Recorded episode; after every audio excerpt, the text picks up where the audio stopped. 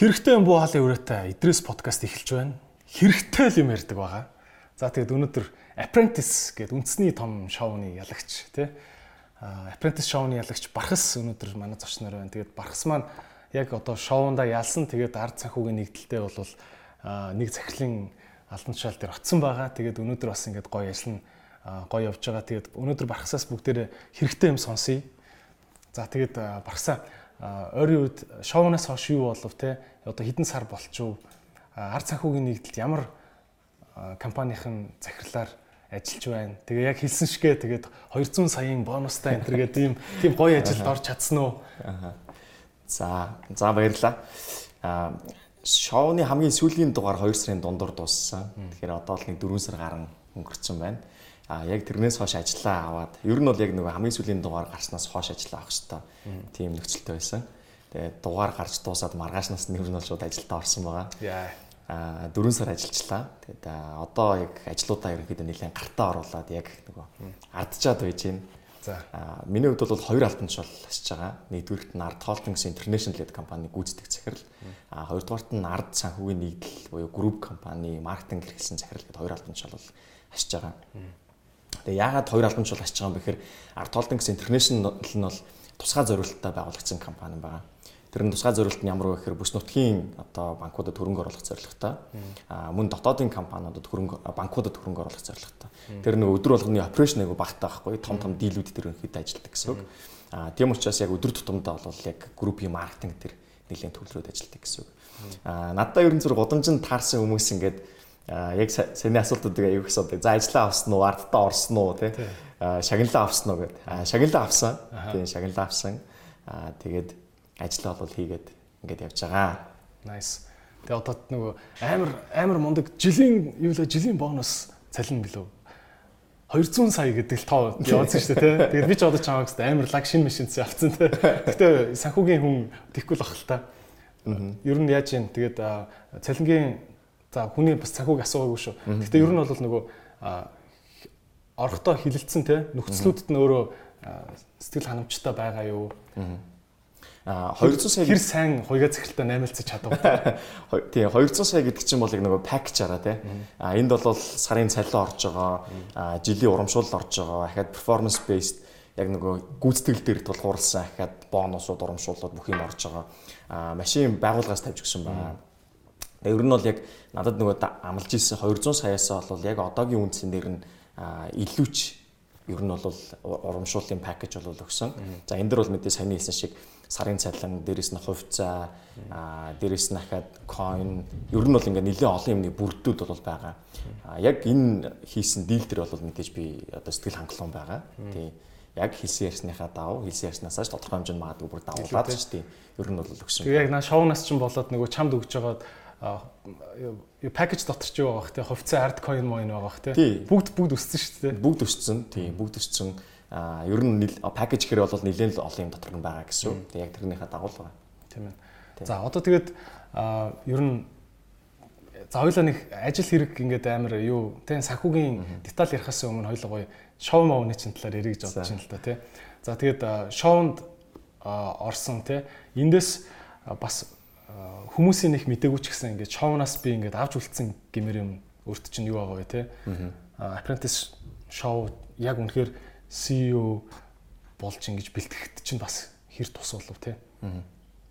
Шоунаас авсан юм их юм бол мэдээ зөндөө юм байгаа. Гэхдээ яг сая нөгөө асуулт асууж хат бодлоо л доо. 14-лөө бид чинь тэн чинь нэлээд олон хоног 2 сар орчим чинь нэлээд олон хоног ингээд байчиж байгаа хамтдаа Тэгмүүд яг тэр нөгөө бусад 13 залуучуудаас айгүй олон юм сурсан л та. Чи яг намайг нэвтрүүлгээс дуусаад ингээ гарч ирсний дараа манай их нар надад хэлжсэн байхгүй чи яг орхосоо өмнө нэвтрүүлэгт орхосоо өмнө байснаас бол ингээ дараа өөрчлөлтөд хурж ирсэн ингээ.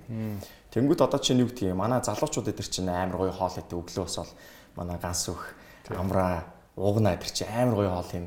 Тэгээд манай ананд амраа эдэр чинь бас аюу тийм гэр бүлсэг залуучууд. Тэнгүүд чи аа гэр бүлтэй ингээ цаг гаргадаг юм байна ингэж ажил амьдралаа зохицуулдаг юм байна. А ийм гоё хоббитой юм байна те. А бас иймэрхүү байдлаар ингэж гоё бие их гоё авч явдаг. Одоо чинь манай ананд эдэр бол бие айгүй гоё авч явдаг шүү дээ. Тэр яг тийм байдлаар нөгөө залуучуудаас аягүй их сурсан байт юм бэлээ. А яг тэрийг бол тухайн үед би өөрөө анзаараагүй.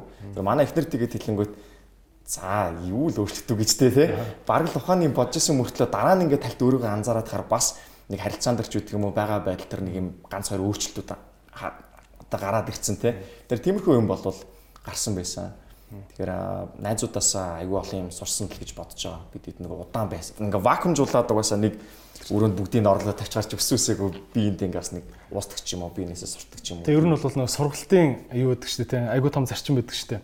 Багшаасаа гэхээс илүү хүн найзуудаасаа илүү их юм сурдаг те. Тэг ямар сургуульд ямар өндөр шалгуураар орсноосоо хамаарат тэр чинь баг мундаг хүмүүстэй л орно гэсэн үг шүү дээ. Гэтэ одоо та нарын хувьд бол юу сургууль те жинхэнэ жинхэнэ карьерийн алдцаан болж байгаа шүү дээ тий. А одоо жишээ нь манай ганц үг гэхэд чинь өөрийнхөө насанд байрны үсэвтэй. А 3 4 сургууль төгссөн мастер хийц одоо баг доктороо сайхан манай хүн хийсэн. Дахиад групп компани 5 6 компаниг хариуцж ирсэн, шоу өдр хийж ирсэн. Тэгмэд би яг бодож ирсэн байхгүй. За би ямар ч байсан тэгвэл ир хийсэн сараас дахиад нэг ийм чиглэлээр сургуульд орох юм шүү. Дахиад би нэг тархины түвжээгээ мултлахгүй бол болохгүй юм байна гэдэг ч юм уу те. Ингээл яг би юунээсээ ингээл хоорондоо бидэд аягүй сурсан л та. Багсын хувьд гадаадд сурсан тэгээд бас сургуулийн талаар яриа штэ. Нэг сургууль болгоныг өөрийн гэсэн нэг юм чимэг түүхтэй байдаг штэ. Маах ч ингэсэн газар ахгүй гэд те. А тэрнээсээ бас танилцуулаач. А тэгээд Монголд ер нь хэдэн онд ирвэ. Тэгээд ирэх үед чинь ямар байсан те. Тэр хүртэл ер нь юу болсон бэ? Товч товч карьер яриач. Аа А яг би бакалавра бол санхүү эдийн засгийн дээд сургуульд хийсэн. А төгсчөөд явах Америк руу явах боломж олдоод би Америкт нэг жижиг сургуульд сурсан. А яг гоо манай сургууль гэхээс илүүтэй би яг 10 жилээ төгс бидрийг 10 жил төгсөж байхад нэг ийм яриа байдаг байсан. Гадаад руу явж явах юм бол том сургуульч байсан, жижиг сургуульч байсан, хөдөөний сургуульч байсан баг ялгаагүй те. Гадаад руу явж явах юм бол тэр одоо ингээл хамгийн л гоё юм гэдэг нэг ийм ойлголт байдаг байсан. Тэгээ би яг тэр бодол миний толгойд байж байгаад Америк руу явах боломж олдоо тийш очичоод тэгээд нэг Америкт сурдаг Монгол оюутнуудын холбоо гэдэг нэг холбоонд би бүртгүүлээд тэнд очсныхаа жилийн дараа би эхний уулзалтнаар нь очдог байхгүй. Тэгсэн Бостонд яг нэг MIT-гийн нэг юм лекцийн нэлээд том юм танхимд нь уулзсан. Тэгээд 50 монгол залуучууд. Тэгэл би чи амар нөгөө тийм яг тэрэнд ингээ очих гээд айгүй олон сар хүлээсэн байсан. Надад л амар тийм гоё сонирхолтой санагдал. Тэгээ яг өглөө MIT-гийн хичээлийн лекцийн танхимд нь яваад орсон нөгөө кинонууд төр гардаг нэг юм олон самбар мамбартай нэг зөвүүн анги байдаг штэ. Тэгээ лекцийн танхим тий. Том том нөгөө шинжлэх ухааны физикч хиймчээд нөгөө том юм бүх юм авчдаг. Тийм зөвүүн ангид очив. Тэгэл аа ямар гоё юм бэ гэд. Тэгээ нөгөө 50 залуучууд цуглаж очоод танилцдаг. Аа сайн үгээл нэрээ хэлгээл сургуулаа. Тэгэл танилцсан чинь хаан сурдаг гэсэн Харвард сурдаг Принстон сурдаг, Стэнфорд, Корнел, Колумб. Басарсан би Америкийн байтгаа дэлхийн топод сурдаг яг 50 залуучууд байсан. Тэгээ тэндээс би амар уран зэрэг авч ирсэн. Амар уран зэрэг аваад тэгээ яг тэр би 10 жилд байхдаа өө Америкийн ямар ч хамаагүй сургууль сурчих юм бол болчих юм байна гэдэг бодол тэнд очиод бүр ингээд өөрчлөгдсөн байхгүй 180 градус өөрчлөгдөв. Тэгээд эндээс би уран зэрэг аваад буцаж өөрийнхөө амьдрдаг хотод очиод таарсан бүх монгол залуучуудтай өө хэдүүлээ юу гэдэг байгаа те том сургууль сурах хэрэгтэй байна ингэх хэрэгтэй байна гэдэг Тэгээд яг тэр нэг урам зориг надад ингээд яваадсан надтай адилхан дүүнер байх юм бол тэр дүүнерт бас нэг юм ийм боломж өгдөө шүү гэдгийг мэдүүлэхийг хүсээд над чиг бити бодосоо гэж бодоод аа би Монгол оюутан гэх нэртэй телевизийн нэвтрүүлэг тэнд байдаг залуучуудтайгаа одоо бас ахтайгаа нийлээд бидэд үндэсний телевизтэй хамтраад нэвтрүүлэг хийжсэн. Үу зөө. Долоон цуврал нэвтрүүлэг. Аа тэгээ тэр нь яасан бэхээр яг Америкийн зүүн үргээр байдаг дэлхийн Америкийн топ сургуулиуд Ivy League-ийн сургуулиудаар яваад нэг 10-аад монгол залуучуудтай уулзаад яаж энэ том сургуульд сурдгийг яаж тэтгэлэг авдгийг те хэдэл болдгийг юм уу эсвэл өөр юм байдгийг юм уу гэх тэр бүх юмыг нь яриулаад би Монгол оюут нэртэй нэвтрүүлэг хийжсэн. Тэгээ тэр болохоор би яг нөгөө над шиг рүү бодолтой дүүнер байх юм бол тэрийг нь хичээн өөрчилж авах. Жохон том бодолтой гэж. Жохон амбицтай зориг тавьталтай гэдэг. Тэгээ тийм нэвтрүүлэг хийжсэн. Аа сая ирчээд гэдэг хийжсэн. Яг ирэхэд би нэг 2015 онд иржсэн санагдаж байна. Яг нөгөө Монголын эдийн засаг дээшээ таацсан датуулчаад буцаад яг Европтой бууж исэн яг тийм үед нэрс таарсан. Тэгэл нөгөө том компаниудаар очоод зарим дээр нь ажиллах өгөхөд бараг тэгжсэн байхгүй надад. Өө одоо юу бид нар шинэ хүмүүс ажилд авах вэ те. Декретэндээ байгаа хүмүүсийг бид нар буцаагаад ажилд авахд яаж буцааж ажилд нь авах вэ гэд бид нар тэрэн дээр толгоогоо ачлаж байна. Өсто соорой уучлаарай гэд явуулж исэн. Тийм хэцүү үед ирчихсэн л та. Яг нөгөө уул уурхай хөөсрөл хагарцсан те. 11 онд ч юм бол бүр монголчин ерөөсө дэлхийн баг номер 1 орн болох ухааны юм яриа л те. Улаанбаатар чинь зөвхөн битүү гадаад ихнаар дүүрсэн те. Тэгэл 12 онд нэг 2 жил нэг тийм гоё байсан баг те. 11 12 онд тэгэл баг тэр чигээр урдсан шүү дээ. Тэгсэн. 15 16 он гэдэг бол ялцчгүй эдийн засаг бүр ингээд үнэхээр мяарц үйл дээ. Одоо ч гэсэн яа. Одоо тэр буцаад нөгөө огцсон үйлдэл хийх үйл гэдэг. Тийм гэхдээ нэг гоё хийх бах. Тэгэд яаж анхныхаа ажилд оров? Аа. Тэгээд Америкт байхад яг би бол гэж л одоод байдгийг өөрөө аа сургуулаа төгс төгсгийн хувьд бол угаасаа мэдээж төгснө. Аль мууж байлаа сурулж байна? Аа Виржиниа. Виржиниа. Зүүн иргэн зүүн иргэн тийм. Тэгээд сургуулаа төгсөөс гадна би яхаад өөр нэг юм хийх ёстой гэдэг тийм бодол байсан юм. Би яг тэрийг хаанаас сурсан бэхээр оюун гэрэл гоо. Одоо манай эдрийн ээж. Би ер нь бол гаргасан номнуудын нилээн их нь бол уншсан. Лекцэн дээр нас очдөг байсан. Нэг лекцэн дээр яг тэгж ярьдаг байхгүй юу. Би бол хизээч нөгөө нэг нэг энийг биелүүлээл болоо гэж боддоггүй. Би нэг юм биелүүлэхдээ давхар өөр юу биелүүлж болох уу? Давхар өөр ямар зорилгыг би яхаа давхар ингээ хийж болох уу гэдэг тийм боддог гэдэг чинь. Пакэж харна тий. Пакэж харна гэдэг давхар хүсдэг. Тэгээ яг би тэрүүгээр нөгөө би сургуульд угаасаа төгсөө сураад төгс чинь өөр би юу хийж болох вэ гэдэг. Тэгээ гурван юм би хийсэн гэж боддог. Нэг нь болохоор сайн хэлсэн би Монгол оюут ингээд нэвтрүүлэг хийсэн. Аа хоёр дахь нь болохоор Америкт дах Монгол залуучуудын монголчуудын хөдөлмөрийн яармаг гэдээ бид зохион байгуулж ирсэн. Чикаго хотод. Тэгээд энд яасан бэ гэхээр Америкт сурдаг 200 залуучуудыг цуглуулад Монголоос 10 гаруй компаниуд аваачаад Монголоос бас ивент тэтгэлэг аваад Америкээс ивент тэтгэлэг спонсор аваад тэгээ нэг 2-оос 3 өдрийн арга хэмжээ хийж ирсэн. Тэгээ тэрэн дээр нэлийн том банкуд ирж ирсэн л да. Тухайд голомт ирж ирсэн. Худалдаа хөгжил банкны нэлийн том захирлуудаас нь ирж ирсэн. Хаан банк, Чингис хаан банк гэдэг ер нь ингээд нэлийн том байгууллагуудаас нэг 10 гаруй байгууллага ирж ирсэн. Тэгээ яг тэр арга хэмжээнд дэр би зохион байгуулалтын дээр нь оролцоод Монголтой харьцах одоо гол ажил координацийн ажлыг нь би авч ирсэн. Оо за за. Тэгээ нэг G Mobile-ийн дугаартай нөгөө тэнд орой олонгот чинь энд өдөр болно те. Тэнгүүт чинь ажиллаа тарж ирчээл орой 11 12 гэж наашааг залгадаг нөгөө G Mobile-ийн дугаараар. Тэгэл баахан мэйл нөгөө HR руу нь явуулаад захирлууд руу нь явуулаад араас нь follow up хийгээл манай мэйлийг авсан болоо бид нар нэг юм арга хэмжээ зохион байгуулсан. Тэгээ тэгж явж байгаад яг нөгөө компани болон банкуудын хүний нөөц захирлуудтай би танилцсан байсан. Контакт уссан. Тэгээд эренгүүтээ би яг нөгөө хамгийн түрүүлэл тандгуудаас л юу яаж байгаа чинь залууж байгаа чинь багс байна тий. Ирцэн шүү. Уулз боломж нөгөө танд гэж хагаад тэгж явж байгаад банкудад би ажиллах сонирхолтой байсан. Чижмөр божигнуулдаг оюутан байсан шүү. Юу тэгж юм арга хэмжээ сонирхолтой. Би бол ойл байсан. Тэгээд явж байгаад би голонтод хамгийн анх ажилд орж исэн. Онд юм да. Аа. Одоо ер нь за ингээд ажиллаж явж байгаад бас ингээд гів гинтхэн телевизийн шоунд орно гэдэг чинь бас бас нэлээд том даваа штэ. Оронгот өнгөө олчих чинь билүү те. Тэгээ тэр чи яаж яах чиний орж байгаа шоу чинь айгу хүнд төрлийн шоу штэ. Реалити байнга камераар бичнэ. Хизээ яаж пактлахуул гэдгийг чинь л ерөөсөө ингээл бичгийн төлөөлөл телевизэнд ажиллаж байгаа штэ. Тэгээд тийм олон нийтийн өмнө тийм юм реалити төрлийн шоунд орно гэдэг шийдвэрийг яагаад гаргасан хин чамааг одоо төлхөрдөв юу болов ер нь бол юу л да би яг нөгөө нэвтрүүлэг дээр ч гэсэн хэлж ирсэн apprentice дээр орж явахдаа намайг оюутан байхт үлээ 10 жил тогт глобал шоу гэдэг нэвтрүүлэг UBS-ээр гарч ирсэн. Тэгээ би яг тэр нэвтрүүлгийг үзэж байхад нэг юм гоё пижа костюмтай зангатай махнар гараал гоё хичнэр гараал те. Тэгэл ингээл бизнес яриад том том мөнгө яриад. Над тухайд яг тухайд ингээд сайн ойлгохгүй ч байсан байж магадгүй. Гэтэ зөв надад амар гоё санагдчихсан байхгүй. Тэгээ би энэ махнах шиг болох юмсан ямар гоё юм бэ гэдэг. Тэгээ миний санаж байгаагаар бол одоо манай арт лайфын гүйцэтгэх захирал гантлуу захирал байсан. Монист ажиллаж исэн сайн ах байсан, сайн байрах. Тэгээ би яг за энэ ахнах шиг ингээ болох юмсан гэдэг нэг юм мөрөөдөл юм уу далд хумсарт ингээ шидэгдсэн юм шиг байгаа нэг тийм бодол. Тэгээ тэгж явсаар хагаад аа тэр бодол юусэн надаас ингээ салаагүй. Тэгэл явж исэн яг өнгөрсөн жил өдийд юм уу та апрентис зарлагдлаа гэд. Тэгээ би яг гэрийнхэнтэйгээ ярьсан л та. Над нэг юм мөрөөдөл байсан юм аа. Тэгээд ийм зарлагдчихлаа яах вэ гэд. Тэг яг гэр бүлийн дэмжлэг байхгүй бол бас тэр чинь яг нөгөө ороход хэцүү шүү дээ тий. Тэр чинь гэр бүлийн дэмжлэг байж яагаад тэгэхээр нөгөө гэр бүлтэй олчоор чинь энэ чинь ганц миний эрсдэл биш болчихж байгаа байхгүй тий. Манай гэр бүлийн эрсдэл болчихж байгаа. Тэгэхээр гэр бүлийнхэнтэйгээ ярьсан манай гэр бүлийн аягүй сан дэмжсэн. Чи ороо тий. Наа чи өстой яг чам таарах юм байна чи мэдгүй. Амар сайн. Бар надаас илүү намайг илүү дэмжээц. Өө зөө. Тэгээ би ч гэхдээ энэ айгүй том шийдвэр байсан учраас нэг өөрийнхөө ментор гэж боддог бас хүмүүстэй зөндөө зөвлөсөн л тоо ах нартай, ах нартай. За би яах вэ?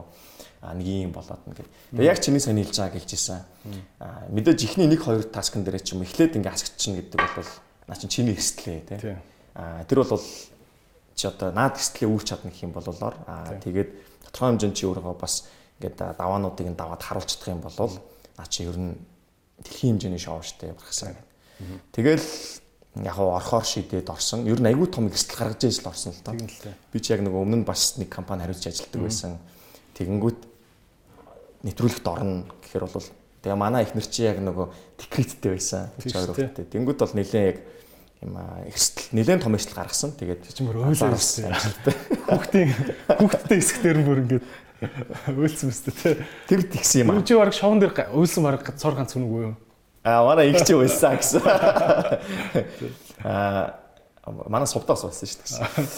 За уйлах гэснээс юу юу юм бэлээ? Хүний сэтгэл зүй аягүй сони юм бэлээ. Нэвтрүүлэгт орохоос өмнө бидраас ч нөгөө тийм анкет бүглөөсөн шүү дээ. Аягүй урт анкет.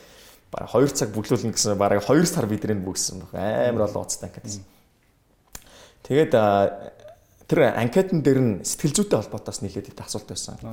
Одоо таны сэтгэл зүйн гэдэг нөгөө те энэ шоунд ороход бэлтгэгдсэн нөгөө мэрэгсэн шоу болоод бэлтгэгдсэн үү гэдэг нэг тийм ухаантай одоо утгатай тийм асуултууд. Тэгээд dijсэн би бол тухайд бодчихсон байхгүй. Үгүй би бас тийм амаргүй юм карьераар ингээд ер нь бол яваад гасан. Би өөрөө бол сэтгэл зүйн хувьд амар бэлтгэгдсэн гэж боддог байсан. Тэгээд асуудалгүй над ерөөсөө битээ саа сэтгэл зүйн асуулт баг надаас асах шаардлагатай мардлахгүй ч юм уу те. Тийм над хандлага байсан.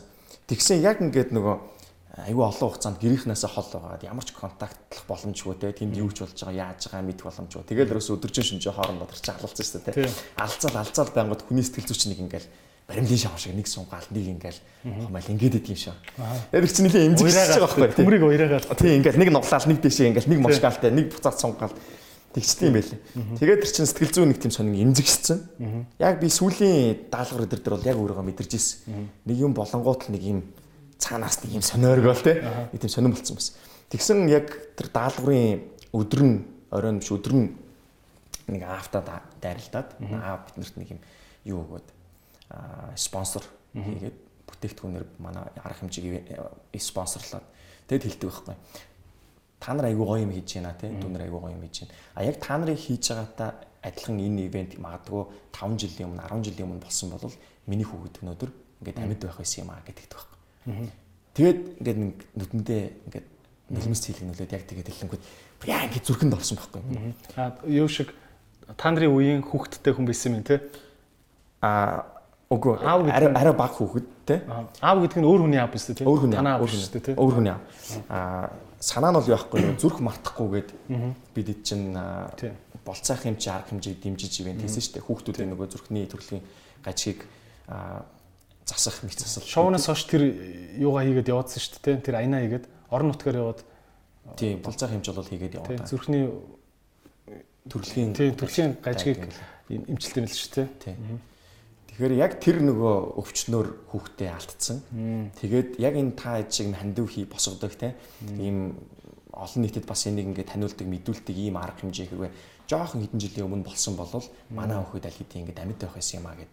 Тэгээ өөрөө дараагийн хоёр тулуудаа охинтойгоо ирцэн тэгээд зогсож ирсэн. Тэгээд хэлсэн байхгүй бидэрт. Юу таньдва охтоо. Тэнгүү чи яг тэр ингээд зүрх рүү орсон байхгүй. Тэгэл яг юм сонирн байж байгаа л ерөөсө тэр аавын яг хэлсэн үг ингээл нэг толгойд ингээл эргэлдээл бодогдоод байсан. Арга хэмжээнд дуусна дуустал. Тэгэл яг нөгөө дуусаал бид ид чинь нөгөө босгосон хандивынхаа хэмжээг сонсоол. За тэдүү хүүхэд хэдүүл аварчлаа штэ гээл тэгсэн чинь яг нөгөө аав юм. Ерөөсө бүх юм ингээл давхцсан л да. Дагс дагч жаал тэгэл ерөөсө садтай байл. Тэр бол удаа. Тэр бол ерөөсөө тэгж найруулагч чи за багсаа уйл гэж тийм бол байхгүй шүү дээ. Яаж тийм байх чинь. Жижиг рил өстө тий. Тий. Би тэрнээс амар саан зовсон. Би тэрнээс амар саан зовсон тийм. Тийм. Гэхдээ тэгэл аргагүй тэр чи одоо ингээл зүгээр одоо хоёлаа ярилцахад хүртэл ингээл амар яаж дээ тий. Сэтгэлд бас эмзэг тусч дээ. Окей. Подкастын спонсор Цэник. За дархлааг сайжруулах энэхүү бэлтгэл нь хунчрын маш их агууламжтай ийм бэлтгэл байгаа. Тэгээд Монсын бүтээгдэхүүнүүд бол маш олон жилийн шинжлэх ухааны суурь судалгаан дээр тулгуурлан хийгддэг их мундаг инновац шингэсэн бүтээгдэхүүнүүд байдаг. Тэгээд ийм гоё савлгаатай дархлаа сайжруулна, хүний ядаргааг тайлна, бие эрч хүчийг сэлбэн хамгийн гол нь өвчнөөс өөрчлөн сэргийлдэг ийм эрүүл мэндийн дэмжих бэлтгэл байгаа. Тэгээ та бүхэн эмчилгээний үед болон өрчлөн сэргийлэх байдлаар энэхүү бэлтгэлийг хэрэглээрэй. Өдөрт нэгийг 30 өдөр гэсэн ийм курсээр та бүхэн хэрэгжилж болно. Тэгээд бүх насны хүнд хэрэглэхэд зохимжтой цэник ундаа. Цэник дархлааг дэмжинэ. Манай дугаар тань таалагдж байгаа гэж найдаж байна. Таалагдж байвал та шеэрлээрэй гэж хүсэж байна. Тэгээд энэхүү дугаарыг нийслэлийн хүүхэд залуучууд гэр бүл хөгжлийн газартай хамтран танд хүргэж байна. Подкастын спонсор Vitafit-ийн шар сүний ундаа. За, эрүүл амьдралыг эрхэмлэгч залуучуудад зориулсан ийм шин төрлийн бүтээгдэхүүн байгаа. Хар чавганы амттай учраас их сахаргүй. За, тэгээд мөн уламжлалт шар сүүгээр хийсэн учраас уургаар баялаг 12% уургатай байгаа. Тэгээд хүний биед маш хэрэгтэй эрдцүүд болох төмөр, селен, йод, цайр гэх эрдцүүдээр баяжуулсан юм ундаа байгаа. Тэгээ та бүхэн аав дуугараа Vitafit-ийн шар сүний ундаа. Монголын анхны шар сүний ундааг хайрттайгаа амтлаарай. За одоо Бархсын маань яг яг одоо хийж байгаа ажлыг их сонирхож байгаа хүмүүс те. Тэгэд одоо CEO гэхээр одоо бас ямар ч ажлын тий одоо чинь за өөр өөрөө бол одоо чинь ямар ямар прожектууд дээр ажиллаж байна. Ер нь өөрөө танаа багт одоо хичнээн хүн байна. Юугаар хэмждэг юм те. Танаа яг чиний удирдах байгаа энэ командын цар хүрийг хэмжих тоонууд бас сонирхолтой байна. За яг одоо миний хувьд бол за түрүү хэлсэн мэдээж нөгөө маркетингийн өдөртмийн ажлууд болон одоо группийн хэмжээний бүхэл одоо хийж байгаа ажлууд бол заавал оролцсон, гар бие оролцсон. А тэрнээс гадна төвлөрж байгаа томоохон төсөл юм бол нэг хоёр төсөл би онцлмоор байгаа даа. А нэгдүгürt нь болохоор ард цаавын нийтлээс өмнө нь лайв өмнөх бас юмудраа мэдэгдэжсэн Канадын хөрөнгийн бирж дээр бүртгэлтэй болох ажил маш том ажил бол хийгдэж байгаа. Канадын ард өөрөө юу? Тий цаан үнийг өөрөө сонсог Торонтогийн хөрөнгийн бирж дээр болов энэ жилдээ багтаагаад бид бас тэндээс хөрөнгө оруулалт татах тэрэн дээр Торонтогийн хөрөнгийн бирж дээр бүртгүүлэх гэдэг энэ ажил бол хийгдэж байгаа. Тэгээ энэтэй холбоотой бид нэр 2 сарын өмнөөс ахуулаад Канадад байдаг зөвлөх үйлчлэгээний компанитай хамтарч ажиллаад бол эхэлсэн. За яг энэтэй холбоотойгоор бол эхний одоо фейсийнх нь ажлууд бол хийгдээд дуусж байгаа. Эх 7 хоног. За тэрний дараагийн 7 хоногоос бол хоёр дахь фейсийнх нь ажлууд бол эхэлнэ. Тэр яг энэ нэг нэлээд том өргөн цар үетэй ажил учраас бол яг эхний фейс дээр нэлээд тийм судалгааны чиглэлийн ажлууд хийгддэг юм байлээ. Нөгөө зөвлөх үйлчлэгээний компани маань за манайхыг судална, манайхыг ойлгоно, бүтээгдэхүүн үйлчлэгээ, доторх компаниудын үйл ажиллагаа. За энийг эргүүлээд Канадын зах зээл дээр гаргахад ямар хөрөнгө оруулагчдад бид нар пич хийх юм, ямар хөрөнгө оруулагчид Монголд байгаа энэ финтек компани те санхүүгийн нийтлэг компанийг сонирхох юм гэдэг ингээ бүх наривчсан тэр судалгаануудаа гаргадаг юм билээ. Тактик, стратегиудаа бүгд нь гаргадаг. Тэгэхээр ерөнхий тэрийг боловсруулах ажил нь бол ингээд дуусч байгаа, удахгүй дуусч байгаа. Тэгээд яг жинхэнэ одоо нөгөө pitch бэлтгэх, инвесторуудтай уулзах, одоо listed болох гэдэг ажлууд бол 2 7 хоногийн дараагаас бол эхлэдэг байна. А энэ бол маш чухал ажил байгаа. Одоо яагаад би нөгөө чухал ажил гэж дахин дахин хэлээд байгаа гэхээр а яг гадны энэ том хөрөнгийн бирж дээр бүртгэгдсэн уулуурхан Монголын уулуурхан компаниуд бол байгаа мэдээж. Гэхдээ яг уулуурхан бус яг монголчууд нь өөрсдөө эзэмшдэг, монголчууд нь өөрсдөө үүсгэн байгуулсан ийм компаниуд бол асар цөөхөн байгаа.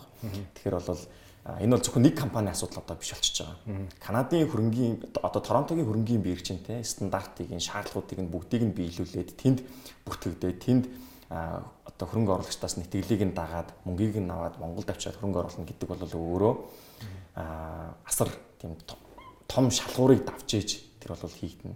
А дээрэс нь бид нар чинь ингээ фокус групп дээр ороод 10 үнэтэй 10 канадтай хөрөнгө оруулагчтай ингээд ярилцаад бид нар хажуугаас нь харагдахгүй ингээд сонсож байгаад 10 хүний 7 нь бол жишээ нь Монгол гэдгийг мэдэхгүй байхгүй.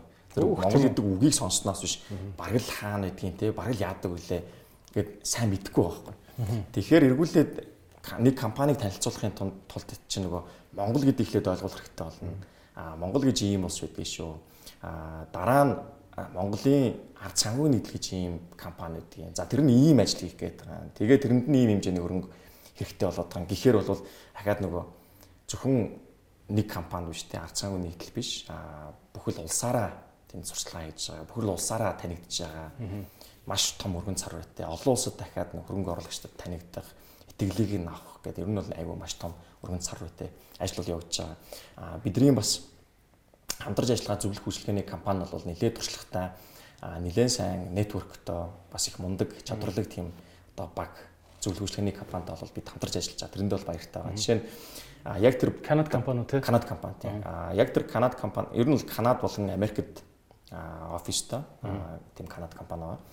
Тэгэхээр жишээ нь тэр компанийн хувьд бол яг Netflix-ийг Канад руу оруулахад бас яг тэр багтанд ажиллаж байсан хүн жишээ байх жишээ нэг. За маркетинг чиглэл дээр нь бол яг дэлхийн том брэндүүд Nike, Adidas гэх мэтлэн том брэндүүд одоос яг маркетингийг базж исэн тийм хүн багтанд бас байх жишээ нэг. Ер нь бол айгүй тийм туршлагатай мундаг зөвлөх хөшлийн компанид бол бид ажиллаж байгаа. Та тийм шүүсийг бол нэлээд шахна үстэй. Тийм бид чи одоо 7 хоногтоо тэгэл 2-оос 3 заавал өглөө эрт юм эсвэл оройдоо аа кол хийгээл нөгөө ажлуудаа явцаа танилцаал аа ярьцлуудаа хийгээл судалгаагаа хийгээл нөгөөдөлийнхаа үр дүнг нь бас хараад ингээл ажлууд явж байгаа. Эсвэл яг 2 сар тийм. Багсаас би энэ нөгөө техник хөрөнгөний бирж дээр гарах гэдэг юмыг нэлээд дараа нь нухацтай асуумаар байна л да тийм. Яаж бэлддэг. Тэг ялангуяа ингээд Торонтогийн хөрөнгөний бирж дээр гарна гэдэг чинь шүү дээ. Одоо бол гадны хөрөнгөний бирж дээр гарсан компаниуд гэхэр нэг би хит Монгол компани гэвэл яг үндэ би зөвхөн уул уурхайн компани л толгойд орж ийн л та тий. 2 3 компани л санаанд ороод байна. Өөр байт юм гүн бараг л байхгүй л тий. Аа за өөр ямар төслүүд дээр ажиллаж байна? За хоёр дахь томцол гэх юм бол өнгөрсөн за бараг 12 сараас хойш өнөө манайгийнхан бас ажиллаж байгаа, ажилласан ийм төсөл байгаа. Тэрний юу гэхээр одоо Step Gold гэдэг ерөөхдөө үнэт металлийн тэргүүлэх Монголдо тэргүүлэх олборлогч ийм компани байгаа даа сая бид яг нөгөө Торонтогийн хөрөнгөний бирж дээр гэж байгаа гэдээ ярьсан шүү дээ. Тэр Step Gold-ийн хувьд бол Торонтогийн хөрөнгөний бирж дээр аль хэдийн гарцсан. 2018 онд тэнд одоо яг main board гэж үгдэг юм байлаа. Хамгийн яг гол тэр одоо арилжаа гэдэг гол одоо дэлгэцэн дээр нь те гол сувг дээр нь гараад арилжаа 2018 онд бүртгүүлсэн. Тэгээ тэндээс 25 сая канад доллар буюу 21 сая одоо Америк доллар юм.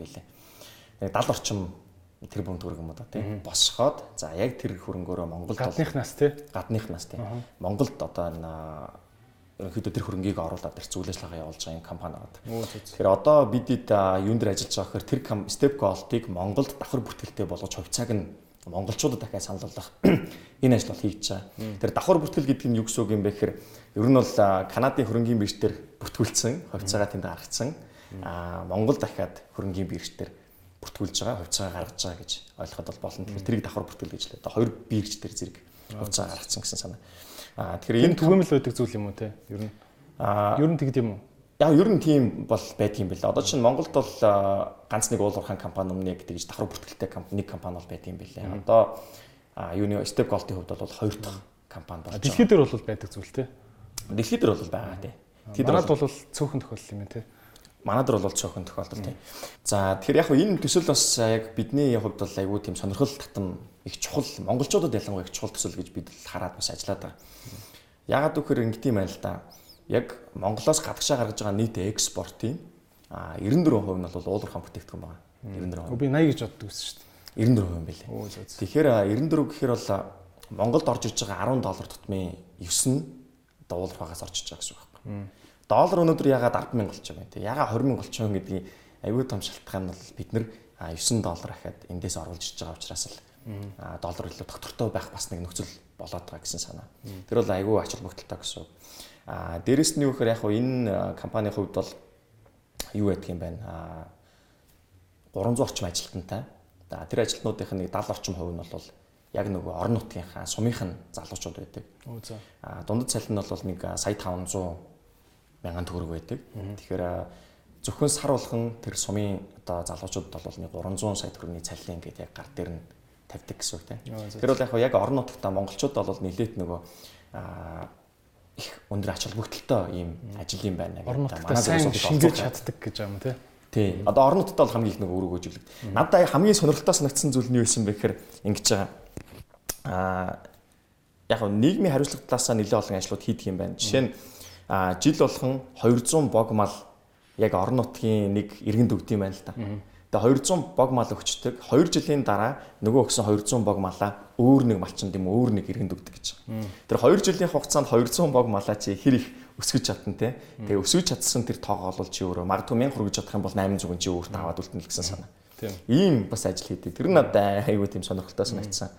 Тийм. Тэгэхээр энэ төсөл дээр бол бидэд манай агийнхан бол нэлээд сайн ингээд ажиллаад явж байна. А одоо нэг уул уурхаан бизнесүүдийн хувьд хамгийн их э, тулгардаг асуудал нь юу шүү дээ. Орон нутг нь хүлэн зөвшөөрдөг. Бүх татвар нь улсын төсвөр рүү яваад идэг. Тэгээ улсын төсвөр ороо хайцсан мэддэхгүй. Орон нутагт нь хизээч замаа баригддаг. Тэгээ алгалцдаг цаашаа яваад тий. Яг манай яг нутагт нутагт юу шингээд байгаа юм бэ гэдг нь бас хэцүү ингээд юм. Тэгээ маргаа их үүсдэг шүү дээ. Яг үнэ яг үнэ. Тийм ээ. А одоо тэгээд за Бархсын одоо удирдах байгаа ард ямар интернэшнл лээ? Ард Холдингс International. Ард Холдингс International гэдэг компани чинь болвол би ингэж болохлоо зөв ийм том төслүүдийг олон улсын бирж дээр гаргадаг. Одоо Монголынхаа бирж дээр ингэж dual listing гэж ярьдаг те. Ийм тэр чинь монголоор юу гэдэг вэ? Гоё үг нь давхар бүртгэл. Давхар бүртгэл те. Давхар бүртгэл хийдэг энэ төр гээд дандаа ийм компаниудыг ийм хувьцааг нь олон нийтэд нээлттэй болгож өгдөг тийм ажил хийдэг гэж ойлгож болох юм. Аа ингэж байгаа. Яг Art Holdings International бол бүс нутгийн банкудад хөрөнгө оруулах зорилготой компани юм байна. Аа тэр нь юу шиг юм бэ гэхээр одоо энэ холдингийн төсөл юм байна тий. Аа эхний ярьдаг Канада руу гарах гэдэг бол манай холдингийн төсөл юм байна. Аа хоёр дахь нь бол илүү яг нөгөө ард санхүү нэгдлийн маркетинг хариуцсан захирал гэдэг албан тушаалаасаа миний оролцож байгаа төсөл гэсэн үг. Тэр би нөгөө түрүү хэлсэн хоёр албан тушаал дээр байгаад байгаа гэсэн хоёулын дээр нь байгаа нэг нэг том төслүүд нь бол энэ хоёр төсөл юм байгаа. А тэгэхээр ард санхүүгийн нэгдлийн одоо компани охин компаниудын захирлууд төсөл төслөөрөө чаддаг чадгаар ингээд нийлээд кросслот кросслот өөр өөр баг баг болоод ажиллаа явчихт юм уу те. Тэгж ойлгочлаа юм. Ер нь бол тийм. Аа ягаад гэвэл нэг одоо жишээ нь томоохон дийл яригжилаа эсвэл нэг томоохон төсөл яригжилаа гэхэд бол аа яг тэрэн дээр санх мэдээж төсөл юм санхүү байж таарна тийм үү. Тэнгүү санхүү гэсэн захирлын тийшээ орох хэрэгтэй. А мэдээж юу гэдэг хөрөнгө оруулалтын томоохон төслүүд байх юм бол одоо юу гэдэг эндээ төстөө IPO төслүүд байх юм бол IPO roadshow тэргээд хийгдэн тийм үү. Тэрний ч одоо нэг бүтээгдэхүүн болгоод олон нийтэд түргэх гэдэг ч юм уу. Тэр тэрэн дээр нөгөө маркетингаас оролцоод явна. За ахаад худалдаж авах төсөл байх юм бол тэрэн дээр эрслээс орох хэрэгтэй болно, хуулиас орох хэрэгтэй болно гэхээр ер нь ялангуяа том царх үйтэй төсөл байх юм бол ард санхүү нэгдлийн менежмент багийнхан ялангуяа сениор менежмент буюу нөгөө хамгийн дээдлийн түвшингийн өдөрдох ажилтнууд нь бүгд л оролцох шаардлагатай болно чаддаг мэдгэрэл жигэл жигэл орох юм чаддаг мэдгэрээ тий. Цар хүрээ өксөх тусмал тэн дээр нөгөө олон талын аюунууд одоо мэрэгчлэлтэнгүүд те олон талын үндсгүүд хэрэг болно бүгд л оролцоод байна. А миний хувьд бол яг нөгөө группийн маркетинг гэхээр бол бас яг ийм том төслүүд төр дийлэнх төр нь оролцоод явдаг. Яг зөвхөн нэг компаниг үүсгэх захирлах юм бол яг тухайн компанийхаа миг яриад байна. А миний хувьд бол бас группийн хувьд ямар том төслүүд явж чинь тэр болгонд нь яг өөрийнхөө нэг чиг төлөөллөө тэр болгон дээр нь оролцоод шийдвэр гаргалтанд нь оролцоод явна гэсэн. Тийм. Окей. Энэ утгаараа яг sorry. Яг энэ утгаараа бол миний нөгөө өмнө нь хийжсэн ажлуудаас бол арай жоохон өөр болчиход байгаа. Юу гэхээр өмнө нь бол би яг нэг функц бол хариуцж ажиллаж байсан. Эсвэл нэг компани хариуцж ажиллаж байсан тийм. Тэнгүүт одоо том компаниудаар бол газрын захирал гэж яриад байдаг шүү дээ. Газрын захирал. Тэгэхээр яг тэр компанид болж байгаа яг тухайн одоо функцтэй холбоотой бүх охин компаниудын ажил руу ороод явдаг гэсэн үг. Толгой компани газрын захирал гэх юм бол. Тэгэхээр тэрнтэй айгуу төстэй гэсэн санаа. Тэр энэ талаараа бол миний нөгөө өмнө хийжсэн ажлуудаас арай жоох ялгаатай. А тэрэн дээр бас илүү чаленжинг гэсэн үг. Тийм ээ. Тийм ээ. За одоо жишээ нь энэ Step Gold гэсэн тий Step Gold компани би ойлгохдоо бол уурхаа гэж ойлгож байгаа шүү дээ тий. Аа уурхаа за Торонтогийн бирж дээр ингээд гараад амжилттай явж байгаа юм байна тий. Одоо тэндээс манайхан бол ингэж бодсон шүү дээ. За гадны хөрөнгөний бирж дээр гарцсан компани юм чинь Монголдоо бол энийг IPO IPO хийнэ үстэй тий. IPO хийх гэж байгаа тий.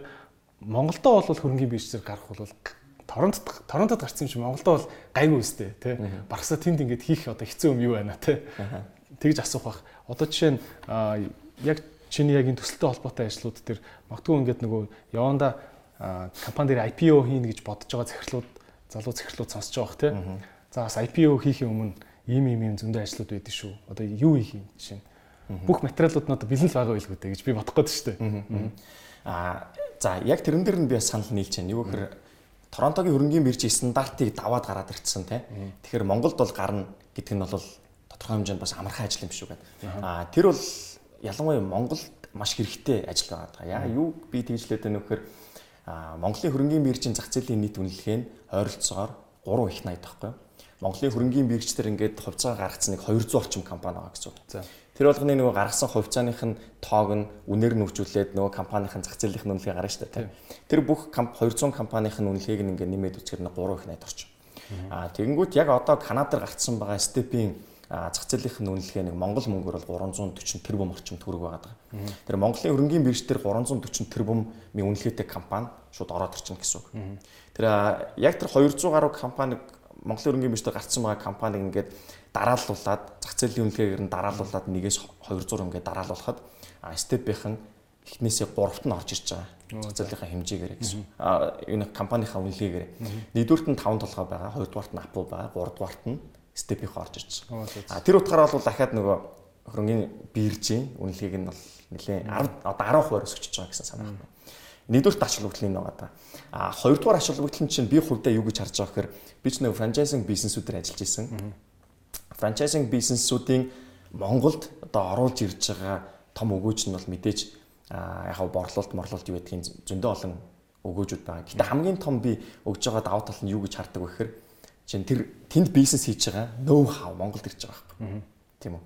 Үйлчлэгээний соёл стандарт, үйлчлэгээний соёл стандарт бизнесийн тэр ноу хав яаж санхүүгээ бүртгэдэг, яаж тайлгнадаг, маркетингийг яаж хийдэг, операшныг яаж зохицуулдаг бүх ноу хав тэр дамжиж ирж байгаа байхгүй. Тэгэхээр гадны хөрөнгийн том бирж дээр бүртгэгдсэн компани Монголын хөрөнгийн бирж дээр бүртгэгдэн гэхээр ахаа тэнд нэг стандартууд байгаа шүү дээ. За юу гэх ямар ч мэдээ гарсан те захирлынх нь магадгүй хамрах цус гарсан байсан ч гэсэн тэнд мэдээлэх ёстой байдаг болвол аа энэ ч гэсэн мэдээлэх ёстой болж байгаа байхгүй. Надад тэнд дахиад шалгалт явж байгаа учраас.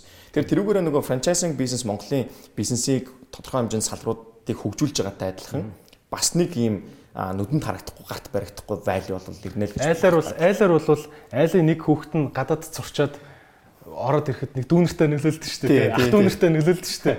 Миний хүүхд шууд англи хэлээ хэлдэг мэлдэг гэл ороод ирдэг шүү дээ. Тэр шиг ингээд а бусад бүх бизнесийн орчиндөө нөлөөлнө гэж харж байна зү. Яг яг яг тэгж харж байна. Окей. А одоо тэгэнгүүт бас зөрөөд танах одоо жишээ нь ард санхүүгийн нэгдэл Step Gold-оос суралцаад зөрөөд Торонто руу гараад гадныхнаас мөнгө босгох гэдэг шүү дээ тий. Зүг. Тий. Манайх ч гэсэн одоо давхар бүртгэлтэй л болно гэсэн үг. Яг яг одоогор бидэд ард санхүүгийн нэгдлэрээ Канадаар гарах уу эсвэл бол аль нэг охин компани байх уу гэдгээ яг одоо энэ хүчит бол арай шийдэж амжаагүй. Яг тэр мэдээж нөгөө хууль талаасаа, санхүү талаасаа аль нь зүг байх вэ яах вэ гэд маш олон ажлууд болох юм билээ. Ер нь яг гадны хөрөнгийн бирж дээр гарна гэдэг бол хамгийн багтаа нэг жилийн ажил хамгийн багтаа. Тэгээд магадгүй жил хагас 2 жил гэдэг ингээд дэшиг явна.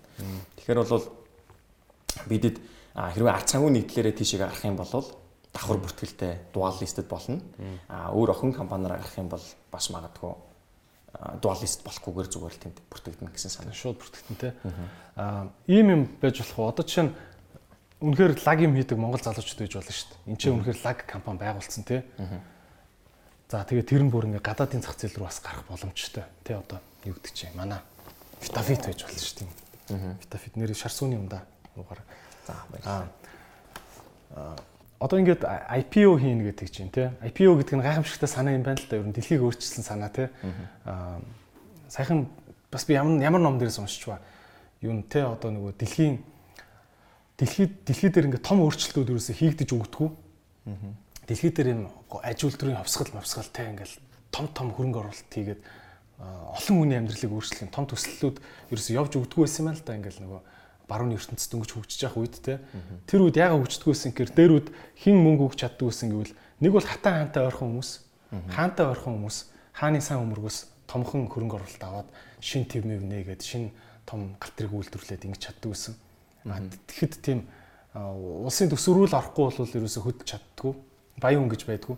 А тэгсэн чинь нөгөө голландчууд анх энэ мэрэгэн санааг бодож IPO гэдэг нээлттэй компани гэдэг санааг голландууд бодож олсон юм л шүү дээ голландчууд тэгсэн чинь окей хүн болго эзэн болчих. Хүн болгон жоохон жоохон мөнгө хүчтэй нийлүүлээд бүгдээрээ том завь хийгээд англичуудаас илүү том газрыг очиж колоничлоод очоод том юм бариад том үйлдвэр бариад галт тэрэг хийгээд ингээд тэгээ ерөөсөө энэ Европ энэ баруун ертөнцийн хөгжилч чинь IPO гэдэг юмнаас болоод хөгжсөн юм билээ шүү дээ би бол би бол тэгж ойлгосон. Чи тэгтээ өөр гоё түүх яаж магадгүй те а миний асууж байгаа нэг юм нь а хэдийгээр ийм түүхтэй боловч ер нь нэг юм монголчууд ялангуяа зүгээр мэдгүй миний л одоо би жишээ нь ингээд IPO гаргаж яхад тэр компани IPO зардлаа гэдэг ингээд яарж очивол хувьцаа авч үзээгүүлтэй яг үнэндээ. Гэтэ ингээд зүгээр өөрөөр төсөөлө ботхоор нэг ихэнхдээ л тэгж бодогдсон шүү дээ. За Bloomberg-ийн доогуур ингээд тоо явж л байдаг. Дээшээ ногоон доошоо улаантай гэл нэг тоон явж л байдаг. 5 5 толгой тэглээ сүү компани гэсэн юм. Аа за хараал өнгөрдөн шүү дээ. Тэгэл нэх нэх ингээд хувьцаа авлаа. Тэр IPO-д нь ороод жоохон ч ихсэн хувцаанаас нь авлаа гэд яг үндэ би ног лашиг машиг авдаг ч юм уу гүү ч юм уу нэг тэгээд би одоо ингээд тэндээс ног лашиг аваад ингээ гоё сууж идэв шүү гэдэг хүнтэй би нэг тааралдаг юм шиг санагдаад байдаг байхгүй. Тэгвэл миний юу л тийм бахалтай хүрэл. Чи энийг юу гэж боддгоо? Ингэж би одоо да өөрт чинь те. Надад юу гэж хэлэх вэ те. Яг нөгөө салбарын үний хувьд би тань салбарыг одоо жоохон тэгж хараад шүү дээ. За би бол ингэж боддгийн. Хүн хичнээн өндөр цалинтай байсан ч аа цалин зөвхөн цалингаараа санхүү өрчлөнд төрөх боломжгүй. Хичнээн өндөр цалинтай байсан ч гэсэн. За зөвөр нэг ийм жишээ яриа. За дундад цалин сая 500 гэдээ бодчих л да. Нэг сая 500 төгрөгийн цалин авдаг нэг доржоо гэж залуу байл. А доржоо сая 500 гар дээрээ татвар матраа төлөөд нэг сая 200 орчим авах бах те. Сая 200. За ипотек төлөөд ингээ хоол унд гэхээр нэг саяыг нь ашиглацдаг. А 200 мянга банк нь ингээ хадгалдаг гэж бодъё. Тэнгүүд тэр хүн нэг 25 сая төгрөг төрөхтний төрийн хадгаламжтай болох гэдэг ингээд оролдоод байгаа. Тэнгүүд хэдэн жил доржоод шаардлагатай болох вэ гэхээр 10 жил байгаа байхгүй тийм. 10 жил тэр хүн хадгалж ээж 25 сая төгрөгт. Тэгээ би саяхан нэг аягүй ойрынхоо дотны хүнээс нэг ийм жишээ сонсч ирсэн яг өөртөө өөртөө тохиолдсон гэдэг. Яасан гэхээр нэг 3 жилийн өмнө эхнэр нөхөр хоёр цалингийн зээл тавьж агаад цуслангийн байш авчиж. Тэгээ тэр нь болохоор нэг дөнгөж хүүхдтэй болсон учраас за зундаа цуслан муслан гарчий ер нь бол цаашдаа хэрэгтэй гэд тухайд авахсан бэлэн 8 сая төгрөг байгаагүй. Эхнэр нөхөр хоёр хоёлаа цалингийн зээл тавьж агаад 8 сая төгрөгөөр нэг цуслангийн хоёр дахь байш аваад тавьсан. Хуучны цуслангийн. Тэгээд 2 жилийн дотор яг нөгөө авсан цалингийнхаа зэлийг төлцсөн. А 3 жилийн дараа харсан чи өнөөдөр нөгөө авсан 8 саяар авч исэн байшингийнх нь үнэ 25 сая болсон байхгүй. 25 сая. Тэр 3 жилийн дотор чи нөгөө 8 сая төгрөгөө 3 дахин өсөж байгаа байхгүй. Энэ нөгөө хөрөнгө оруулалт гэж биелэх гээд байгаа байхгүй. А 10 жил шаардаж исэн зүйл одоо 3 жилийн дотор боломжтой байна. А хөрөнгө оруулалтын тусламжтайгаар. Тэгэхээр зэр тэгвэл хувьцаа гэдэг бол яг саяны тэр цуслангийн байшаа авч байгаа та адилхан хөрөнгө оруулалт байхгүй. Ахаад хоёлоо ярил л да. Аа өнгөрсөн магадгүй 8 9 сарын үед бол ард санхүү нийтлэлийн хувьцаа жишээ нь 1000 төгрөг байсан. Аа тэгэхээр чи нэг сая төгрөгийн даваад хадгалсан байсан гэж тийм мартцсан. Би 1500 дээр орсон шүү. 1500 дээр орсон. Чи аягуулсаа орсон ба шүү. Тэгэхдээ 3000 дээр орсон шүү. Одоо тэгээ дараа нэг бодож чинь гэсэн. Дараа нь би харин шал дэмий зарж жоохон барьчихсан. Үржүүлж бодоод байгаас тийм. Тэд болох байсан байна. Тэд болох байсан. Үн чи мохоо шуналтай байдаг л тийм. За дуусгаа дуусгаа. Одоо тэнгуут 9 сарын дараа тийм а 9 9000 нэг ойролцоогоор нэг 100000 орчим байгаа ах өнөөдөр аншаар. Тэгэнгүүт 1 сая төгрөг чи 10 сая төгрөг болж байгаа. 100000 болцсон юм уу? Аа. Би 3 сая дээд максимум 14 өрлөө. Өөх тийм үү. Тий. 11 2 өрлөө. Аа тэгэхээр 10 дахь өсөж байгаа байхгүй 9 сарын хугацаанд. Тэгэхээр хөрөнгө оруулалт гэдэг энийг хэлээд байгаа. Хөрөнгө оруулалт мэдээж ч яг энэ бол бас тодорхой хэмжээний нэг богино хугацаанд олон өссөн юм яриад байна. А гэхдээ мэдээж ийм тохиолдол бол түүхэн тийм олон гарахгүй. А хөрөнгө оруулалт гэдэг бол мэдээж урт хугацаагаар харах хэрэгтэй. Урт хугацаанд жишээ нь би оюутан багтаа дийдэг гэсэн байхгүй. Найзуудтайгаа ярьж хагаад а тухайн үед чинь апогийн хувьцаа, говийн хувьцаа гэл хувьцаануудыг графикийг ингэж гаргаж тавьж хагаад дээр нь зураад аа манай аав ээж нар энэ онд те тэдэн жилийн өмнө нэг сая төгрөгөөр тэгсэн болвол тэдэн зуун сая болчих байсан байна. Ингэсэн болвол тих байсан байна. Ээ аав ээж нар тийм хийж яахгүй явтаа гэд тухайд бидний хооронд оюутан багтаа ярьдаг гэсэн байхгүй. 1 2 3 курст байхдаа. Тэгэхээр тийм урт хугацаанд хөрөнгө оруулалтыг бас тодорхой хэмжээнд харах хэрэгтэй. Тэгэх юм бол яг нөгөө үр өгөөж мэдээж өгдөг. А яг хоо мэдээж хөрөнгө оруулалтын тодорхой дүрмүүд байгаа тийм. Заавал нэг сагсанд бүх өндгөө чи битээ аваа чи гэх ингээд диверсификац хийгээд ингээд тус тустай өөр өөр савнд өөр өөр өндгүүдээ хийх хэрэгтэй шүү дээ. Тийм нүд байгаа. Гэхдээ хөрөнгө оруулалт гэдэг бол байранд байж болно, хувьцаанд байж болно, юу гэдгийг газарт объект одоо крипто тийм сүлээд бол юу ч байж болно. Гэхдээ нэг л зүйлийг бид нар ойлгох хэрэгтэй гэж би бодоод. Ямар ч өндөр цалинтай байсан чи а зөвхөн цалингийн цалингаараа санхүүгийн өргөчлөнд хүрэхэд асар хэцүү шүү. Тэгэхээр нэг ийм боломжуудыг бодож үзээрэй л гэдэг хэлдэг. Хүмүүс тэгтээ нөгөө яг нөгөө хувийн санхүү дээр ирэхээр жоохон туйлширдаг юм шиг санагдаад идэв ш. Зарим нь болохоор нөгөө хөрөнгө оруулж яах гээд бүх мөнгө хөрөнгө оруулалт хийгээд бүр нэмж зээл авч хөрөнгө оруулалт хийгээд тэнгууд мэдээж буруу сайн судлаагүй буруу компани хувьцаа авцсан те. Тэнгүүтээ дараа нөгөө юугаа хараагаад те тэ одоо юу ч үчээд энэ тэр хувьцааг аваарай авчаач гэж хэлсэн найзаагаа хараагаад тэ өөрөө шийдвэр гаргасан мөртлөө тэ чи намайг ингэчлээ гэд ер нь бол хитэн алтан дүрмүүд шүү дээ хөрөнгө оруулах гэж бол хизээч бити өр тавьж хөрөнгө оруул. Хизээч бити байраа зарж хөрөнгө оруул. А яг тэрс нөгөө суур хэрэгцээгээ хангачаад дараа нь а эсвэл суур хэрэгцээндээ садаа болохоогүй жижиг хэсгээ хөрөнгө оруул гэд чи би сая буруу зөвлөгөө өгч юу би бол нэг тиймэрхүү юмыг Тиймэрхүү алтан дүрм байдаг гэж бодлоо шүү дээ. Яг санал нэг байна. Хөрөнгө оруулалтын нэрээ гоё алтан дүрмүүд өгөөч яг одоо нэмээд. яг наад чинь хуйгаа захирал жишээ нь хэлдэг штэ. Алдаж болох хэмжээгээр аваад дараа гэд те. Тэр яг ингээд нөгөө базаад айгу бүх санаануудыг хэлчихэд байгаа хэлчихэд байгаа юм л надад л тийг санагдаад те. Алдаж болох хэмжээгээр лав. Хэлбэл магадгүй чи нэг сая төгрөгтөө мөртлөө хүнээс 10 сая төгрөг зээлээд 3 сарын 3% үтэй зээлэнгүүтээ тэнд юмд аваачаад хийчдэг. Тэгэл хувьцааны зах зах зээл гэдэг бол загцсан шүү дээ. Өвөл 100 яг ээлжилдэгтэй адилхан тэнд бол өсөлт бууралт угаасаа ээлжлэх нь энэ бол зур хууль. Байнгын өсдөг юм гэж хизээж хаанч байхгүй, байнгын боддог юм гэж хизээж хаанч байхгүй. Өвөл 100 ээлжтэн өсөлт бууралт явна. Аа тэгэхээр бол чи алд доошо унангууд нь өвөл болонгууд нь бүх юм алдчихдаг байж болохгүй тийм. Тэгэхээр алдаж болох хэмжээ чинь хийдий. Чи алдчихад амьдрал чинь ингээд доголдоод иж болохгүй байхгүй. Магадгүй чи 10 сая төгрөгтөө тэрнийх нь саяыг чи за энэ хувьцаа өөрөө судлах хэрэгтэй те. Энэ хувьцаа байж болох юм байна, өсч магадгүй байна. Би итгэж байна энэ компани вижн итгэж байна, энэ компани санхүүг нь харлаа, санхүүд нь би итгэж байна. А дараа нь ер нь өсөх юм байна. Ийшээгээ хийлээ.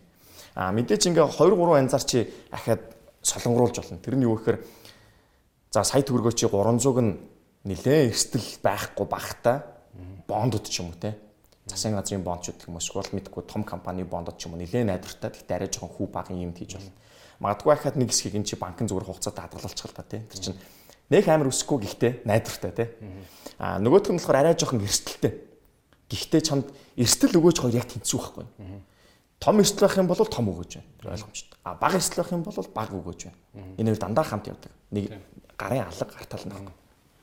Тэгэхээр нэг хэсгээ чи арай өндөр эрсдэлтэй. А нөгөө юм магадгүй бүр эрсдэлтэй юм даа чиж болох байх. Жишээ нь тэр нь за би санхүүгийн зөвлөгөө өгөө уриалаагүй гэхдээ крипто байж болно те. Крипто. Магадгүй Ethereum гээд бас нэг крипто 1000 1000 доллар байж байгаа л сая 3 7 хоног юм байна 4000 доллар хүрлээ шүү дээ. Дөрөв дахин нуураад шүү дээ. Аюу богино хугацаанд. Тэр бол амар эрсдэлтэй зөвшөөрж байгаа. Гэтэ та эрсдлээ хүлээн зөвшөөрөөд орж байгаа байхгүй. Дөрөв дахин нуураад дээш өсч магадгүй. Эсвэл дөрөв дахин буугаад доошоо алдаж магадгүй. Тэгэхээр бүх хөрөнгөө тийшээ яагаад ч авч хийж болохгүй. Аа тодорхой хэсгийг нь тийм өндөр эрсдэлтэй бөгөөд өгөөжтэй байж болох юм та хийж болноо л гэж хэлээд байна. Гэхдээ ямар ч байсан тэгээд бас сонирхолтой амьдрах хэрэгтэй шүү дээ. Ер нь зөвхөн хамгийн муугаар бодоход зүгээр ингээд мөнгө хадгалж ийн гээл бүгдийг хадгаламж руугаа хичээл ямар ч хөрөнгөний зах зээл сонирхгүй, ямар ч coin сонирхгүй, тэ ямар ч bond сонирхгүй ингээл байжснаас айгүй олон юм хөрөнгөө хөрөнгөө өсгөж болдог ийм олон одоо зах зээлүүд гэж яриад байгаа тий. Ийм ийм олон талбарууд байгаад хахад юуг нь сонирхгүй амьдарч бас болмооргүй санагдаад байгаа хөөх тий. Надад бас тэгж санагдаад. Яг үнэ. Одоо жишээ нь юу яаж байгаа вэ? Хэцүү юм билээ л дээ Тэгээ одоо чинь ард дээр те би сая 500-аар ардын хувьц зарсан байхгүй? Тэр ч одоо чийзээ юм жил гарны баг 2 жил болох гэж байна уу те? Ний өмнө тэгэнгүүтээ 3000 гэрээ гараад ирэнгүүт сандард юм билээ. Яна ингэжсэн ингээд нэг нэг таацсандаа туслана биткойн тэгдэж штэ. Нэг өсөнгөтэй маа гэд амар ундаг штэ те. Тэгчиж магадгүй бүр дэше өсч магадгүй тэгтээ тэгэл яадаг юм билээ. Сандарч сандарч байсан. За за нэг нугарсан юм шиг нэг болий гээл те. Тэрэн дээр хамгийн сайн арга нөгөө юу байхад вэ? Дундчаа өсгөх, дундчаа буруулах. Яад хүүхэр 1500-аар авсан юм чинь 3000 болчих дээ. Авсан юмныхаа талыг нь зарч. Тал нь байж. Тий. Ямар ч алдагдлахгүй болоод? Тий. Нэгдүгürt алдагдaltaгүй анхны мөнгө чинь байж байна. А хоёрдугаар дахиад илүү өсөх юм бол ахаад тэндээс чи ашиг их гэдэг байхгүй тий. Магадгүй талын зарч. Эсвэл тодорхой хувь юм. Ахаад өсөнгөд нь ахаад тэрнийхээ талын зарч байгаа юм. Ахаад өсөнгөд нь ахаад талын зарч байгаа. Тэнгүүтийг нь чиний дундч чинь бүгдийг 3000 дээр зарчмад 3000 л байсан бол чи ингээд таллаа таллаа зараад штэ. Тэнгүү чиний дунд чи дахиад 4000 5000 гэ дахиад жоохон дээш өсөд байгаа байхгүй. Магадгүй чи яг хамгийн оройдор нь зарч чадахгүй. Хамгийн оройдор нь угаасаа хинт зарч чадахгүй. Энд чи нөгөө сая долларын асуулт гэдэг байна штэ. Хинч хариулж мэдэхгүй. Тэгэхээр хамгийн оройдор нь зарч чадахгүй маа гэхэд оройлоо нэг тэмүүлмээр байгаа байхгүй. Тэгэхээр ингээд хэсэгчлээд хэсэгчлээд яваад байвал дунджаа дээш өсгөөд байна. Окей. Ер нь sorry. Саяны дээр юун дээр би бол бас ингэж бодоод байгаа. Сүүлд би нэг харсан юм юу гэхээр нөө сонирхолтой амьдрмаар байна. Аа бүгдийн сонирхолтой гэдгсэн шүү дээ. 100 мянган төгрөгч байсан хамаагүй крипто руу ч юм уу, хувьцаа руу ч юм уу ямар нэг юмроо авчиад хийчихээр хүнссэн үсэг хүн өөрөө хардсан байлээ мэдээг нь. Нөгөө зах зээлийнхаа мэдэрүүгээ сайт руугаа ороод за нөгөө тэр чин хэд болсон байна энэ чинь хід болсон байна. Өссөн үсэг хүн харж байгаа байхгүй. Тэгэхээр ингээ хүн илүү өөрөө бас мэдээлэлчээд мэдээлэлтэй болоод эхэлж байгаа. Би саяхан нэг юм харж исэн Марк Кьюбн одоо нөгөө Dallas багийн эзэн Dallas Mavericks багийн эзэн. А 60 доллар үрдэг. Байна чинь. Аа тэгээд сонирхолтой нь юу байсан бэхээр 11 настай хүүхэдтэй нөгөө Dogecoin гэдэг штэ. Тим coin аваад гисэн юм байна. Яг тэр нь бол ингээд ер нь жоохон joke маягийн тим coin штэ тий.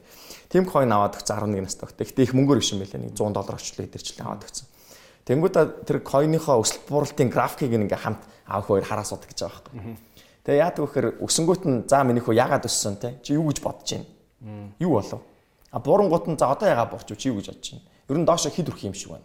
Хоорондоо ингээ ярилцдаг гэж байгаа байхгүй. Тэгээ тэгснэ тэр нь амар фан гэдэг байгаа байхгүй юу? Тэгээ яаж байгаа юм бэхээр цаана нь бол нөгөө санхүүгийн боловсрал ингээд 11 настай хүүхдтэй гэж байгаа байхгүй. Би тэгэхэд яг тэрийг уншиж гайхчихсан байхгүй. 11 настай хүүхэд бол би 11 настай байхад бол нааг тий чи хичээлээ ичих а гэрээ цэвэрлж тэгвэл окей fine чи гоё байна гэж хэлсэн. Гэсэн одоо бол тэр нөгөө санхүүгийн өндөр боловсралтай хүмүүс хүүхдээ бүр 11 настай байхаас магадгүй тэрнээс бага байхаас нь ахуулаад мөнгө бариулж үзээл те. Тэгэл хувьцаа ярилцаал те. График харуулаад тэгснэ тэр нь амар хөгжилтөө гэж ойлгуулаад те. Санхүүгийн тийм амар том боловсрал явуулж байгаа нь би яг бодсон байхгүй. Би бас хүүхдүүдэд тийм багаас нь заах хэрэгтэй юм байна те. Гой сурмаар юм байна. Надад амар гоё жишээ санагдсан. Тийм ээ. Тэгээ ер нь бол штеп нөгөө мөнгө гэдэг үг өөрөө мөнгө зээл энтер гэдэг үг амар хүнийг ингээд табу гэж ярьдаг штеп те. Хүн болгон амьдралын амар чухал хэсэг гэдгийг мэддэг хэрнээ хинч нэг ингээ ярихыг хүсдэггүй те. Одоо найз нь зээл авчлаа гэвэл нөгөө найз нэг юм яатсан бол тоо энэ тэгэл муугар харах жишээ нэ те. А гэтэл зээлийн чинь нөгөө өртөө хүн хөдөлдөг энэ төр яриад байгаа шүү те. Тэгэхэд тэгэхэд чинь нөгөө зээлийн чинь зээлийн чинь бас боломж олгож ашиглаж болно шүү те. Өөрийнхөө бизнесийг хурдлуулж. Тэгэхээр нөгөө одоо нөгөө Монголд ч бас нэг тийм хүү соёл үүдэж шүү те. Хүүхд жоох хүүхд ингээл хэтрих мөнгө зөнгөөр юм аваад зараал гэвэл чи өстө хар багасаа 8 ч болох гээ юу мөнгөөр тоглолоо энэ төр гэж ирээл те. Гэтэл бол ингээд Марк Кюбн яаж те 100 доллараар хүүхдээ ингээд одоо баг тоглуулсан биз те. Маш гэж ярил. Тий, тий. Тоглуулсан биз те. Тий. Тий. Тэгээ нөө ер нь нэг юм юм байт юм уу? Багсаа. Ингээд юунууд ингээд за за за койнуудыг болий. Хувьцаанууд дээр те. Хувьцаа ингээд унж өсөөл лээд штэ те. Бүх уналт өсөлт бүгдээрээ цаанаа шалтгаантай байд юм уу? Эсвэл зүгээр л ямар тайлбаргүйгээр ингэж унж өсдөг тийм юм гэж бас байх уу ер нь үгүй юу? Аа яг ингэж би болохоор эдийн засгийн анги төгссөн бакалаврын. Аа эдийн засгтэр бол яг тэр эдийн засгийн графикч байсан, хувьцааны графикч байсан яг дөрөв ингэ салгаж үзтiin. Аа. Аа тэрэн дээр нэгдүгээрт нь тренд байдаг. Нэг бол ингэ дээш өксөж байгаа, эдийн засаг дээш өксөж байгаа, бол хувьцаа дээш өксөж байгаа тренд байгаа даа тийм. Аа хоёрт нь тийм нөгөө улирлын нөлөөлөл ордог гэж үздэг. 100 өсдөг бизнес байж болно те. Маржингийн бизнес 100 өслөө. Тэгвэл хувьцаанд дагаад өслөө. Өвөл буурлаа улирлын нөлөөлөл байгаа тань а 3 дугаарт нь ингээд том эдийн засгийн мөчлөг ингээд яваад байна. Өөрөлдөл 11 онд эдийн засаг гоё байсан гэдэг чинь эдийн засгийн гоё дээдлэх мөчлөг. 15 онд буурсан гэдэг дахиад доошоогоо мөчлөгтэй эдийн засгийн том мөчлөг. Хувьцаанд нөлөөлөх гээд байна а гуравт нь цагаан шууган гэж үгүй тэр юу гэхээр тэр таамаглах боломжгүй гэсэн яг чи саяны хэлдэг шиг ямар ч хамаагүй шалтгаангүй локгүйгээр зүгээр л арзаалт гэсэн үг байхгүй. Тэр таамаглах боломжгүй. Тэгээ графикийг бол нэг ийм дөрвөн хэсэгт хувааж бид нар үздэг байсан. Тэр яг энэ дөрвөн юмар тайлбарлагдана гэсэн үг. Мэдээж нөгөө яг сонгодог зах зээл буюу маш олон худалдаа авагчтай, хувьцаа эзэмшигчтэй, тэрэн дээр нь маш олон хувьцаа санал болгодог компанитай ийм төгс зах зээл дээр бол яг одоо нөгөө зах зээлийнхэн жамаар явах буюу ямар нэгэн тийм логиктой мэдээ гарангууд тэрийг нь дагаал хувьцаанууд нь өсвөл буураал те тэгж байгаа. Одоо шинэ ер нь бол шалтгаантай л шалтгаантай тий. А жижиг зах зээл дээр бол шалтгааны нөлөөлөл нэрэ багасчдаг. Тий. Тэгэхээр одоо жишээ нь Монголын зах зээл бол жижиг маш жижигтэй орно жижиг зах зээл тий. Тий. Ер нь баг юу вэ? Нэг хүн нэг хүн лайв хийгээл тэр графикийг хөдөлгөж болохоор зах зээл шүү дээ. Жохон тий ер нь бол а одоо л тий гоё ингээд гоё мөчтөр ирчээд шүү дээ. Нөгөө бүх том банкуд нь хувьцаагаа гаргах гэж байна За тэгээд хүмүүсийн хөрөнгөний зах зээлийг сонирхдаг сонирхолтой айгүй нэмэгдчихлээ. Хадгаламжийн хүү хажууд нь дахиад дагаа буурсан. Тэнгүү чинь нөгөө тэрэндээс суларсан мөнгөө ахаад хөрөнгөний зах зээл рүү хийн гэд айгүй гой мөчтөр ирчээд байна тийм. Чиний ажилд бол та бест хамгийн сонирхолтой үе юм шүү. Яг чамайг ажиллаа авбуугүй юу? Яг өстэй угаасаа хадгаламжийн хүү буурсан шүү дээ. Хадгаламжийн хүү буурна гэдэг чинь хүн банкнд зүгээр мөнгөө хэвтүүлэх сонирхолгүй боллоо. Янз бүрээр бас өөр зах зээлүүд рүү оруулж үзнэ гэсэн үг үстэй тийм. Өөр боломжууд илэрхийлнэ гэсэн үг тийм. За окей их сонирхолтой байна. Тэгээд найзынхны хувьд бол яг одоо энэ хувьцаа би бол одоо олон компани хувьцаа ингэж өөрөө авч үзэж байгаагүй. Зөвхөн л компани хувьцаа ингэж авч үзчихсэн. Тэнгүүтээ айнгуудаа паниктж зарж мараад те тэр нэг паник сел гэдэг нэг юм баг шүү те. Хүмүүс нөгөө нэг мэдээ гарангуут ч юм эсвэл нэг нөхөр гарч ирэл оо өсто тэр чинь ингээд тэр компани ингэж байгаа гэж ингээл нэг нэг худлаа лайв майв худлаа мэдээ энэ төр явуулж муулангууд нөгөө сандрангуудаа сайн судлахгүй ингээл юм уу зарж мараал график нь савлуулаад те. Тийм одоо panic buyers гэдэг юм л шүү дээ наачиг нөхдүүд чинь. За тэнгуут нэг юм баад байна. Одоо ингээд а бархас одоо Торонтогийн хөрөнгөний бирж дээр гарах гээд Америк, Канадын том зөвлөх компанийг аваад ер нь бол танаа бүх юмыг ингээд шалгаад явж байгаа гэж байгаа шүү дээ тийм. Судалгаанууд нь хийгдээд а ер нь бол шүүмжлүүлэх ёстой юм дээр шүүмжил сонсоод эхэлсэн байгаа бах гэж би таамаглаж байна тийм. Тэгсэн байгаа юу? Хэрвээ тэгсэн бол одоо Канада, Америк ахнараас ямар хатуу үгс сонсож эхэлж байна тийм та нар одоо оо энийг ингэж хийдэггүй шүү дээ одоо энийг бингэлтэй гэдэг те тиймэрхүү юм болдог. Аа. За эхлээд за хоёлаа юунаас нь зарим нэг шүүмжтэй юмнууд нөх юм бол яг ингэжлээ л дээ. Аа за яагаад яг Канадын хөрөнгөний бирж юм те? Яагаад Канадын хөрөнгөний бирж арай жоохон ойрхон ч юм уу, арай өөр хөрөнгөний бирж байгаагүй юм уу? Байж болоогүй юм уу гэдэг асуултууд байгаа. Аа тэрэн дээр бол яг Канад Торонтогийн хөрөнгөний бирж бол нөгөө финтек илүү френдли гэж бидэд хараад байгаа. Аа тэгээд бидэдийн хувьд бол шууд одоо Нью-Йоркийн хөрөнгөний бирж төр ч юм уу гарахад бол арай болоог байхгүй те. Аа хүнжлийнхоо хэрээр одоо хөлөөж ийгээд хамгийн цаашаа жийж чадах те. Хамгийн том боломжтой нь бол Торонтогийн хөрөнгөний бирж. Тийм учраас бидэд Торонтогийн хөрөнгөний бирж төр гарч байгаа. Аа дээрэс нь хахад тэр эдийн маань нэлээд одоо санаа зовгүй юм уу яриад байгаа зүйл нь бол нөгөө хятадтай ойрхон штэ. Аа танаа ардчлал чинь жоохон бас юм шейк юм шүү. гэдэг нэг тиймэрхүү юмнууд бас айгүй хэрэг. Одоо Мянмар энэ төр хахад айгүй хэцүү имиж үүсгэжлээ штэ Азад. Тий. Тэнгүүд юу тийм тэд нар чинь нөгөө Канадынхаа Канадын хөрөнгө оруулагчдын дэр хшиг мэдээж хамгаалах талаасаа бодно шүү дээ. Канад нэг хөрөнгө оруулагч нь юу гэдгийг аа мөнгө аваачаад Монгол руу хаасан холын Монгол руу хийчдэг. Тэгэнгүүт а улс төрийн янз янзын хэрсдэл гараад нөгөө Канад хүн оруулсан хөрөнгөө алдчих юм биш үү гэдэг ч юм уу. Тэр талаас нь илүү хараад тэнгууд нөгөө ардчлал төр засгийн доктортой байх уу хятадтай ойрох юм шүү, энтэй ойрох юм шүү гэл ингээл янз янзын тиймэрхүү юмнууд бол илүү яригдж байгаа. Тэр болгонд нь бид бол мэдээж хариу өгвөл явж байгаа. Тий. Аа улс төр талаас юм тий. Тий. Бүс нутагта та хэд ингээд бас үйл ажиллагаагаа өргөжүүлэх өмөртлөө яагаад ингээд хаа байсан далаа гатлаа даваад тий. Торонтогийн хөрөнгөний бирж гээл тэгэл тиймэрхүү юмнууд яригдж байгаа. Бидний хувьд бол а ковидос өмнө Кыргызстанд бид бас банкнд хөрөнгө оруулах гэдэг дийл явуулж исэн юм билээ. Тухайд бол би арай орж ийг байсан. Яг ковид гээ тэгээд тухайн улсынх нь бас улс төрийн нэлийн докторгүй байдал үүсээд бол тэр дийлийг тухайн төрдөө зогсоодсон байх жишээ нь. Тэгэхээр тэр бүх тайлбаруудаа бид нар хэлж байгаа юм л да. Ийм дийл ингээд явж исэн. Бид бол цаашдаа бүс нутагтаа бол иймэрхүү байдлаар одоо үйл ажиллагаагаа өргөжүүлнэ. Манай вижн бол ийм байгаа. Өмнөх түүх бол ийм байгаа гэдэг ч юм. Дамын болноос нөгөө Канадын тухайн одоо бүртгүүлэх гэж байгаа улсын хөрөнгө оруулагчид ямар майндсеттэй байх вэ? Яг юу өсөх вэ? Ямар юмыг ирж хайх вэ гэдэгт нь бас тааруулж бид нар чинь нөгөө чи нэг л бүтээгдэхүүн гэсэн үг шүү дээ. Бүтээгдэхүүнээ пакэжлаад баглаас сав бодолтой болгоод авчил харууллаад өгнө гэсэн үг шүү дээ. Тэр тиймэрхүү л ерөнхийдөө ажлууд бол хийгдэж байгаа. Одоо тэгэхээр нөгөө Канад Канадад байдаг хөрөнгө оруулагч нар илүү финтек талтай ингээд сонирхолтой байна гэж тэгж шүү дээ тийм. Тэгэхээр за Монголд одоо ард санхүүгийн нэгдлэхээр нэг юм банк юм уу нэг юм санхүү нэг юм мөнгөтэй холбоотой зэрэг хаяа нэг ард даатгал энэ төргээ сонсогддог те нэг юм яг юм амар юм технологийн финтек компани юм байна гэж мэдрэгдэхээс илүү юм зүгээр санхүүгийн юм банк талын одоо ингээл чам харахад ч гэсэн ингээл за ингээм ингээтэй банкны те. Ажил дээр ингээл банкны хүн шиг сууж байгаа байхгүй те. Тэгэхээр Монголд бол тиймэрхүү дүр зураг харагдаад идэг штэ а яг ингээд гадагшаа очихороо бас юм санхүү технологи хослсон юм илүү технологи талын компани гэж харагдаж чадах уу? гэж бодож байна. Аа за яг ацангүй нийтлэл чи одоо 22 охин компани хөрөнгө оруулалт холбоо амралтай компани байгаа. 22.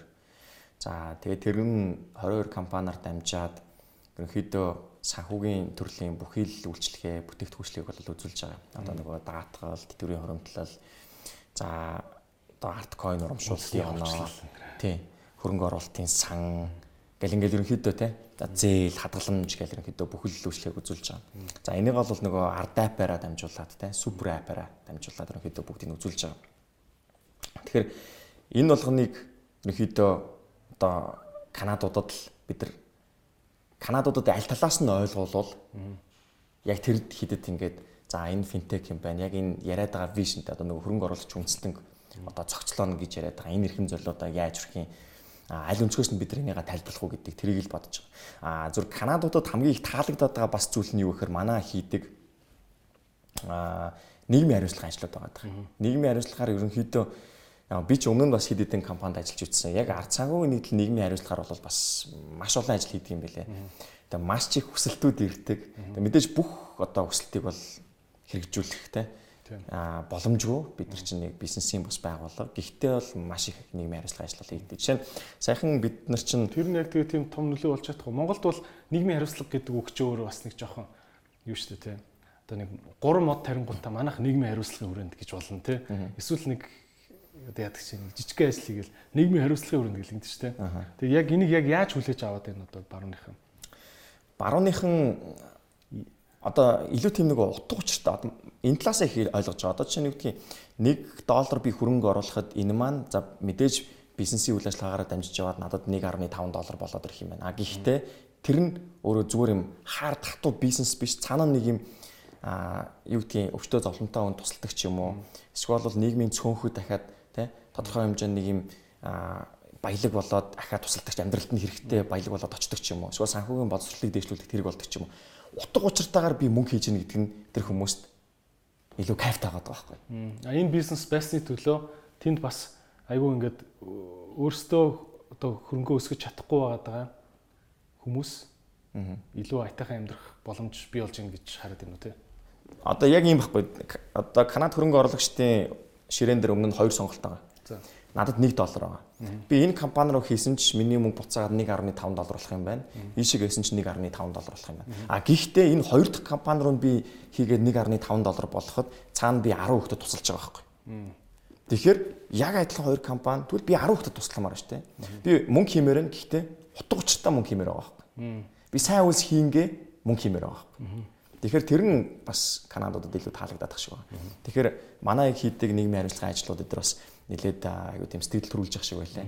Жишээ нь яг уу юу хөө. За ард санхүүгийн нэгдэл гэдэг юм байснараа энэ нийгэмд ямар хэрэгтэй. Тий. За бас яг бидний хувьд хийж байгаа нийгэмдээ улсдаа оруулж байгаа маш том хөрөнгө оруулалт гэх юм уу бас маш том нийгмийн хариуцлагын ажил гэх юм бол энэ нөгөө майндсетийг өөрчлөлт юм болов гэж би боддог. Аа хөрөнгө оруулагч үндэстэн болно гэж зарлсан нь өөрөө хүмүүсийн толгойд нэг хийж байгаа байхгүй. Үндснэрээ хөрөнгө оруулагч болох хэрэгтэй маань. Үндснэрээ юмний эзэн болох хэрэгтэй маань тийм. Аа мөнгө миний төлөө ажиллаж явах хэрэгтэй байна. Би энд магадгүй а заримдаа амралтаа аваа ээлжийнхээ амралтыг аваад явхад тэнд миний мөнгө миний төлөө ажиллаа дахиад мөнгө хийж болох юм байна гэд.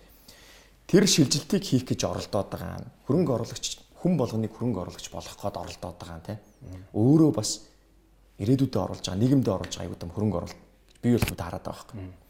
А жишээ нь яаж авахэр бид чинь ард актем гэдэг нэртэй ард санхүү нийтлэлийнхэн дэргэд одоо санхүүгийн боловсролыг олгох зориулттай тийм ажлыг хийж байгаа. Вебсайт ажиллуул чинь пэйж байна те. А 10 20 мянган сабскрайбертай одоо мэйл 7 хоног болгон мэйл авдаг тийм хүмүүс байгаа даа те. Тэр хүмүүс яаж байгаа гэхээр одоо бидний хийж байгаа гэхэд магадгүй зөндөө олон лайв уу дахиад энэ зөндөө олон ажлууд байгаа даа. Энэ ажлууд өөрсдөө Гэхдээ бид нар цалингаас цалингийн хооронд юм уу зээл төлөхөөс нөгөө зээл төлөх хүртэл хооронд ингэж амьдарч болохгүй. Бид мөнгийг өөрийнхөө төлөө ажилуулдаг болох ёстой. Хувьцаа худалдаж авахдаа яах ёстой юм.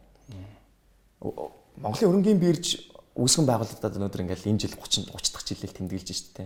Гадны ертөнцтэй харьцуулах харьцуулах юм бол 200 300 жил тэр хөрөнгөний зах зээл нь чөлөө зах зээл нь хөгжсөн. Тэр хүмүүс нь яг л угаасаа нэг мод ингэж урагдах юм а гэдэг шиг зах зээл ийм л байх хэвээр угаасаа л хүн хөрөнгө оруулах хэрэгтэй гэдэг ч юм уу. Тэтгэврийн хөрөнгөлөл хүн угаасаа л хийж явах хэрэгтэй гэдэг л анханаас төрхөөс ахвал тийм ойлголттой байсан тийм. 11 наснаас хойш 100 доллараар тоглож 100 доллараар тоглоод үтцсэн тийм. Мөнгө барайл үтцсэн, үнэртэй л үтцсэн. Аа бид тэгэхээр яаж байгаа гэхээр 30 жилийн хугацаанд хөрөнгөний зах зээл хөгжсөн байна. 30 жилийн хугацаанд одоо энэ тийм чөлөө зах зээл гэдэг юмтай танилцаад ингээд сайн мэдэхгүй байгаад шүү дээ. Тэгэхээр бидний бас нэг оруулж байгаа хөрөнгө оруулалт бол тэтгэврийн өрөмтөл гэж байх хэрэгтэй юм байна. Хүн яг 55 нас хүрээд 60 нас хүрээд за миний тэтгэр хідүүлээ гэд тэр үед бодох биш 25 настай байхдаа 55 насаа чи за яаж би тэтгэврт гарах вүлээ? Тухай гарахтаа би хідэн дөрөвтэй байх ёстой л гэдгээ бодоо. А энэ чинь тэтгэврийн хөрөмтөл гэдэг юм аа чи зохицуулдаг юм аа. Тэтгэвэр улсын нэг юм биш те. Тий улсын нэг юм биш. А чи өөртөө дахиад хувьдаа тэрийг үүсгэж болдох юм аа. Хөрөмтөл гэдэг юм үүсгэж болдох юм аа гэл те. Тэр энэ бол өөрөө айгүй том нөгөө майндсетийн шилжилт байгаа байхгүй те. Энийг хүн суулгаж өгнө гэдэг бол карманд нь 100 төгрөг хийснээс илүүтэй 100 мянган төгрөг хийснээс илүүтэй нэг 100 зөв бодол ч юм уу те толгойд нь хийчих нь тэр 100 мянган төгрөгөөс илүү хөрөнгө оруулалт байхгүй. Тэр тэрийг бол нөгөө энэ ард цаавын нийтлийн хийж байгаа санаачилж байгаа хөдөлгөөнүүд, хөтөлбөрүүд, төслүүд бол хамгийн том үр дүн нь бол тэнд явж байгаа. Майндсетний хөрөнгө оруулалт энд хийж байгаа юм тийм. Тийм. Тэр нь Канадад таалагдаад байна тий.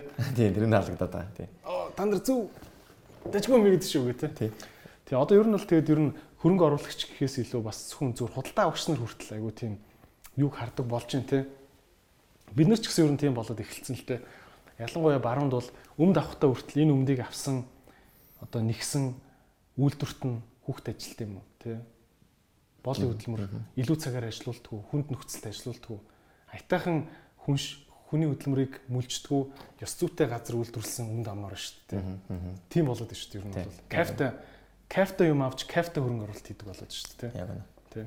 Подкастын спонсор Цэник. За дархлааг сайжруулах энэхүү бэлтгэл нь хунчрын маш их агуулмжтай ийм бэлтгэл байгаа. Тэгээд Монсын бүтээгдэхүүнүүд бол маш олон жилийн шинжлэх ухааны суурь судалгаан дээр тулгуурлан хийгддэг их мундаг инновац шингэсэн бүтээгдэхүүнүүд байдаг. Тэгээд ийм гоё савлгаатай дархлаа сайжруулна, хүний ядаргааг тайлна, бие эрч хүчийг сэлбэн хамгийн гол нь өвчнөөс өөрчлөн сэргийлдэг ийм эрүүл мэндийн дэмжих бэлтгэл байгаа. Тэгээ та бүхэн эмчилгээний үед болон өөрчлөн сэргийлэх байдлаар энэхүү бэлтгэлийг хэрэглээрэй. Өдөрт нэгийг 30 өдөр гэсэн ийм курсээр та бүхэн хэрэгжилж болно. Тэгээд бүх насны хүнд хэрэглэхэд зохимжтой цэник ундаа. Манай дугаар тань таалагдж байгаа гэж найдаж байна. Таалагдж байвал та шеэрлээрэй гэж хүсэж байна. Тэгээд энэхүү дугаарыг нийслэлийн хүүхэд залуучууд гэр бүл хөгжлийн газартай хамтран танд хүргэж байна.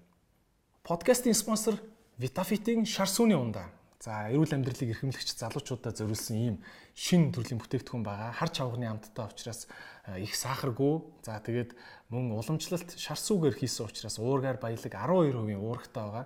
Тэгээд хүний биед маш хэрэгтэй эрдцүүд болох төмөр, селен, йод, цайр гэх эрдцүүдээр баяжуулсан юм ундаа байгаа. Тэгээд та бүхэн аваад уугаараа Vitafit-ийн шар сүүний ундаа. За nice тэгээд багс маань бол жинхэнэ жинхэнэ юм дэлхийн юм бодцсон ингээд ажилтаа онгоод явж байгаа юм байна нэр юу байгаа юу одоо ард санхүүгийн нэгдэл 22 охин компанитай гэж юм те. Чи бол ингээд компани болгоныхын том том төслүүд дээр нь ингээд баг болоод ороод ороод явж байна. Ингэж яхад бас нөгөө ямар ч газар бол ингээд бүгдээрээ сайхан best friend ч юу манай бархас мундаг гэл чамааг бүгд ингээд яахгүй л байлгүй те. Мэдээж мэрэгжлийн орчинд бас л ингээд за чи бархасаа чадлаа харуулж шүү. Зүгээр нэг телевизийн шоуны залуу орж ирчээд юу гэдэг байна. Багт магадгүй нэг тийм жоох юм ээжүүдийн чамд өөрт чинь сорилт өгсөн харьцаанууд байдаг бах те хамт олон дотор хэр хүлээн зөвшөөрөгдөж чадчихэв. Ялангуяа энэ захирлуудын түвшинд хэр ямархуу драм болж байна. Бас apprentice шиг бөө юм болж байна уу дотроо. За яг мэдээч нөгөө ажиллал учраас хүмүүс байгаа л учраас бас тиймэрхүү бодлоод бас байхыг үүсэхгүй те. Аа за зүгээр нэг нэвтрүүлэгт орчоол ингээд ороод ирлээ ч тийм үү те. Яг угаа захирлч гэсэн надад өмнө хэлжлээсэн л да. Аа ер нь бол ингээд надтай бас олон жил ажилласан маш мундаг чадварлаг залуучууд байгаа шүү. Аа тэгээд энэ дунд ороод чи хүмүүсийн итгэлийг нь аваад тодорхой хэмжээнд өөрийгөө хүлээн зөвшөөрүүлээд хамтраад нэг гоё баг болоод ажиллах нь чухал шүү. Ингээд сануулж ирсэн. Тэгээ би тэр үгийн ч гэсэн нөгөө анх уулзаал яг хэлж ирсэн тэр дахин дахин нөгөө бод одоо ч ингээд боддог л доо. Тэгээ яг яг одоо л би нөгөө ажиллаа 4 сар болцсон. Нэг баг болоод хамтраад гайгүй болж байгаа гэж ойлгож байгаа. Аа яагаад вөхөр яг яагаад би тэгжлээд нөхөр чи тоор нэг л зорилгын төлөө ажиллаж байгаа хэрэгцээ тэ нэг зорилгын төлөө ажиллаж байгаа. Энд ажил байгаа. Аа чи намайг хүлэн зөвшөөрч өнөд шүрх байна уу гэдэг ч юм уу. Тэр бол надад яг одоогор бол нэг амир магадгүй хамгийн чухал зүйл биш байхгүй. Хамгийн чухал зүйл бол энэ том төсөл байна. А энэ компанид хэрэгтэй. Компани хэрэгтэй гэдэг бол чамд хэрэгтэй тийм үү? Над бас хэрэгтэй. Тэгвэл хоёулаа тэгэл хий л та тийм. Тэр иймэрхүү нөгөө чухлынх нь ирэмбэрээ хамгийн нэгдүгürt нь ажил байгаа учраас багийн гişүүдийн маань толгойд бас ажил байгаа учраас үр дүн гаргамаар байна. Ажлынхаа ард нь гармаар байна те. Тэгэхээр ингээд ажиллахаар бол асуудалгүй ойлголцоол явж байгаа. Явж байна те. Гайгүй те. Би ч одоо апрентис үзсэн зүрхэнд орцсон. Одоо хоёга захирал бараг өрөөндөө өөр нэг захирлаар. За ингээд Бархас Таяр сая Step Gold-ийн IPO дээр ажиллаа. Бархас ямар алдаа гаргасан гэж бодож байна. Бараг тэгдэм биш үстэй гэж бодоод байхгүй. Айгу айгу. Мэдээж яхав тодорхой хэмжээний чаленжууд байна. Аа тэгтээ тэгэл нэг эцээст бол яг нэг зорилгын төлөө л явж байгаа. Нэг зорилгын төлөө явж байгаа. Компани төлөө л явж байгаа. Компани цаана нөө хувьцаа эзэмшиж байгаа тийм. Тэр тэр чухлын ирэмбэн бит хоёрыг таарж байгаа тохиолдолд ажил бол асуудал нэг баг болоод асуудалгүй ажиллах байхгүй.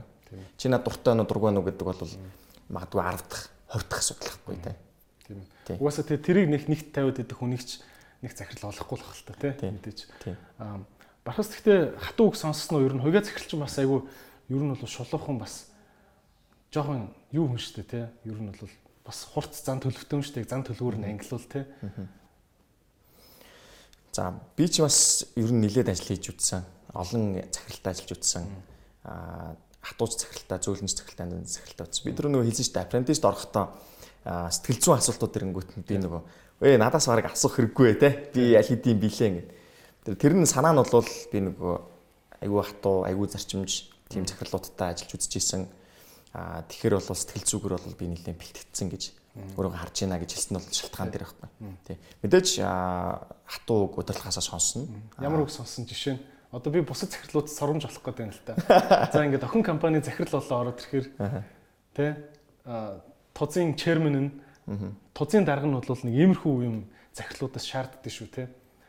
Одоо жишээ нь одоо туузаас өөрт чинь ингээд магадгүй хурал дээр хэлж байгаа шүү дээ. За багсаа ийм юм хатуу чамаас шаардж байгаа шүү. Чи яг ийм ийм ийм ийм захирал байх ёстой шүү гэд ингээд хамгийн их чамаас тулгаж шаарддаг. Тэ одоо шаардлагууд юу юу юу байсан байж шин. Аа. Яг үг гэхээр сайн мэдэхгүй байна. Гэсэн хатуу өгнүүд бол сонсч байсан.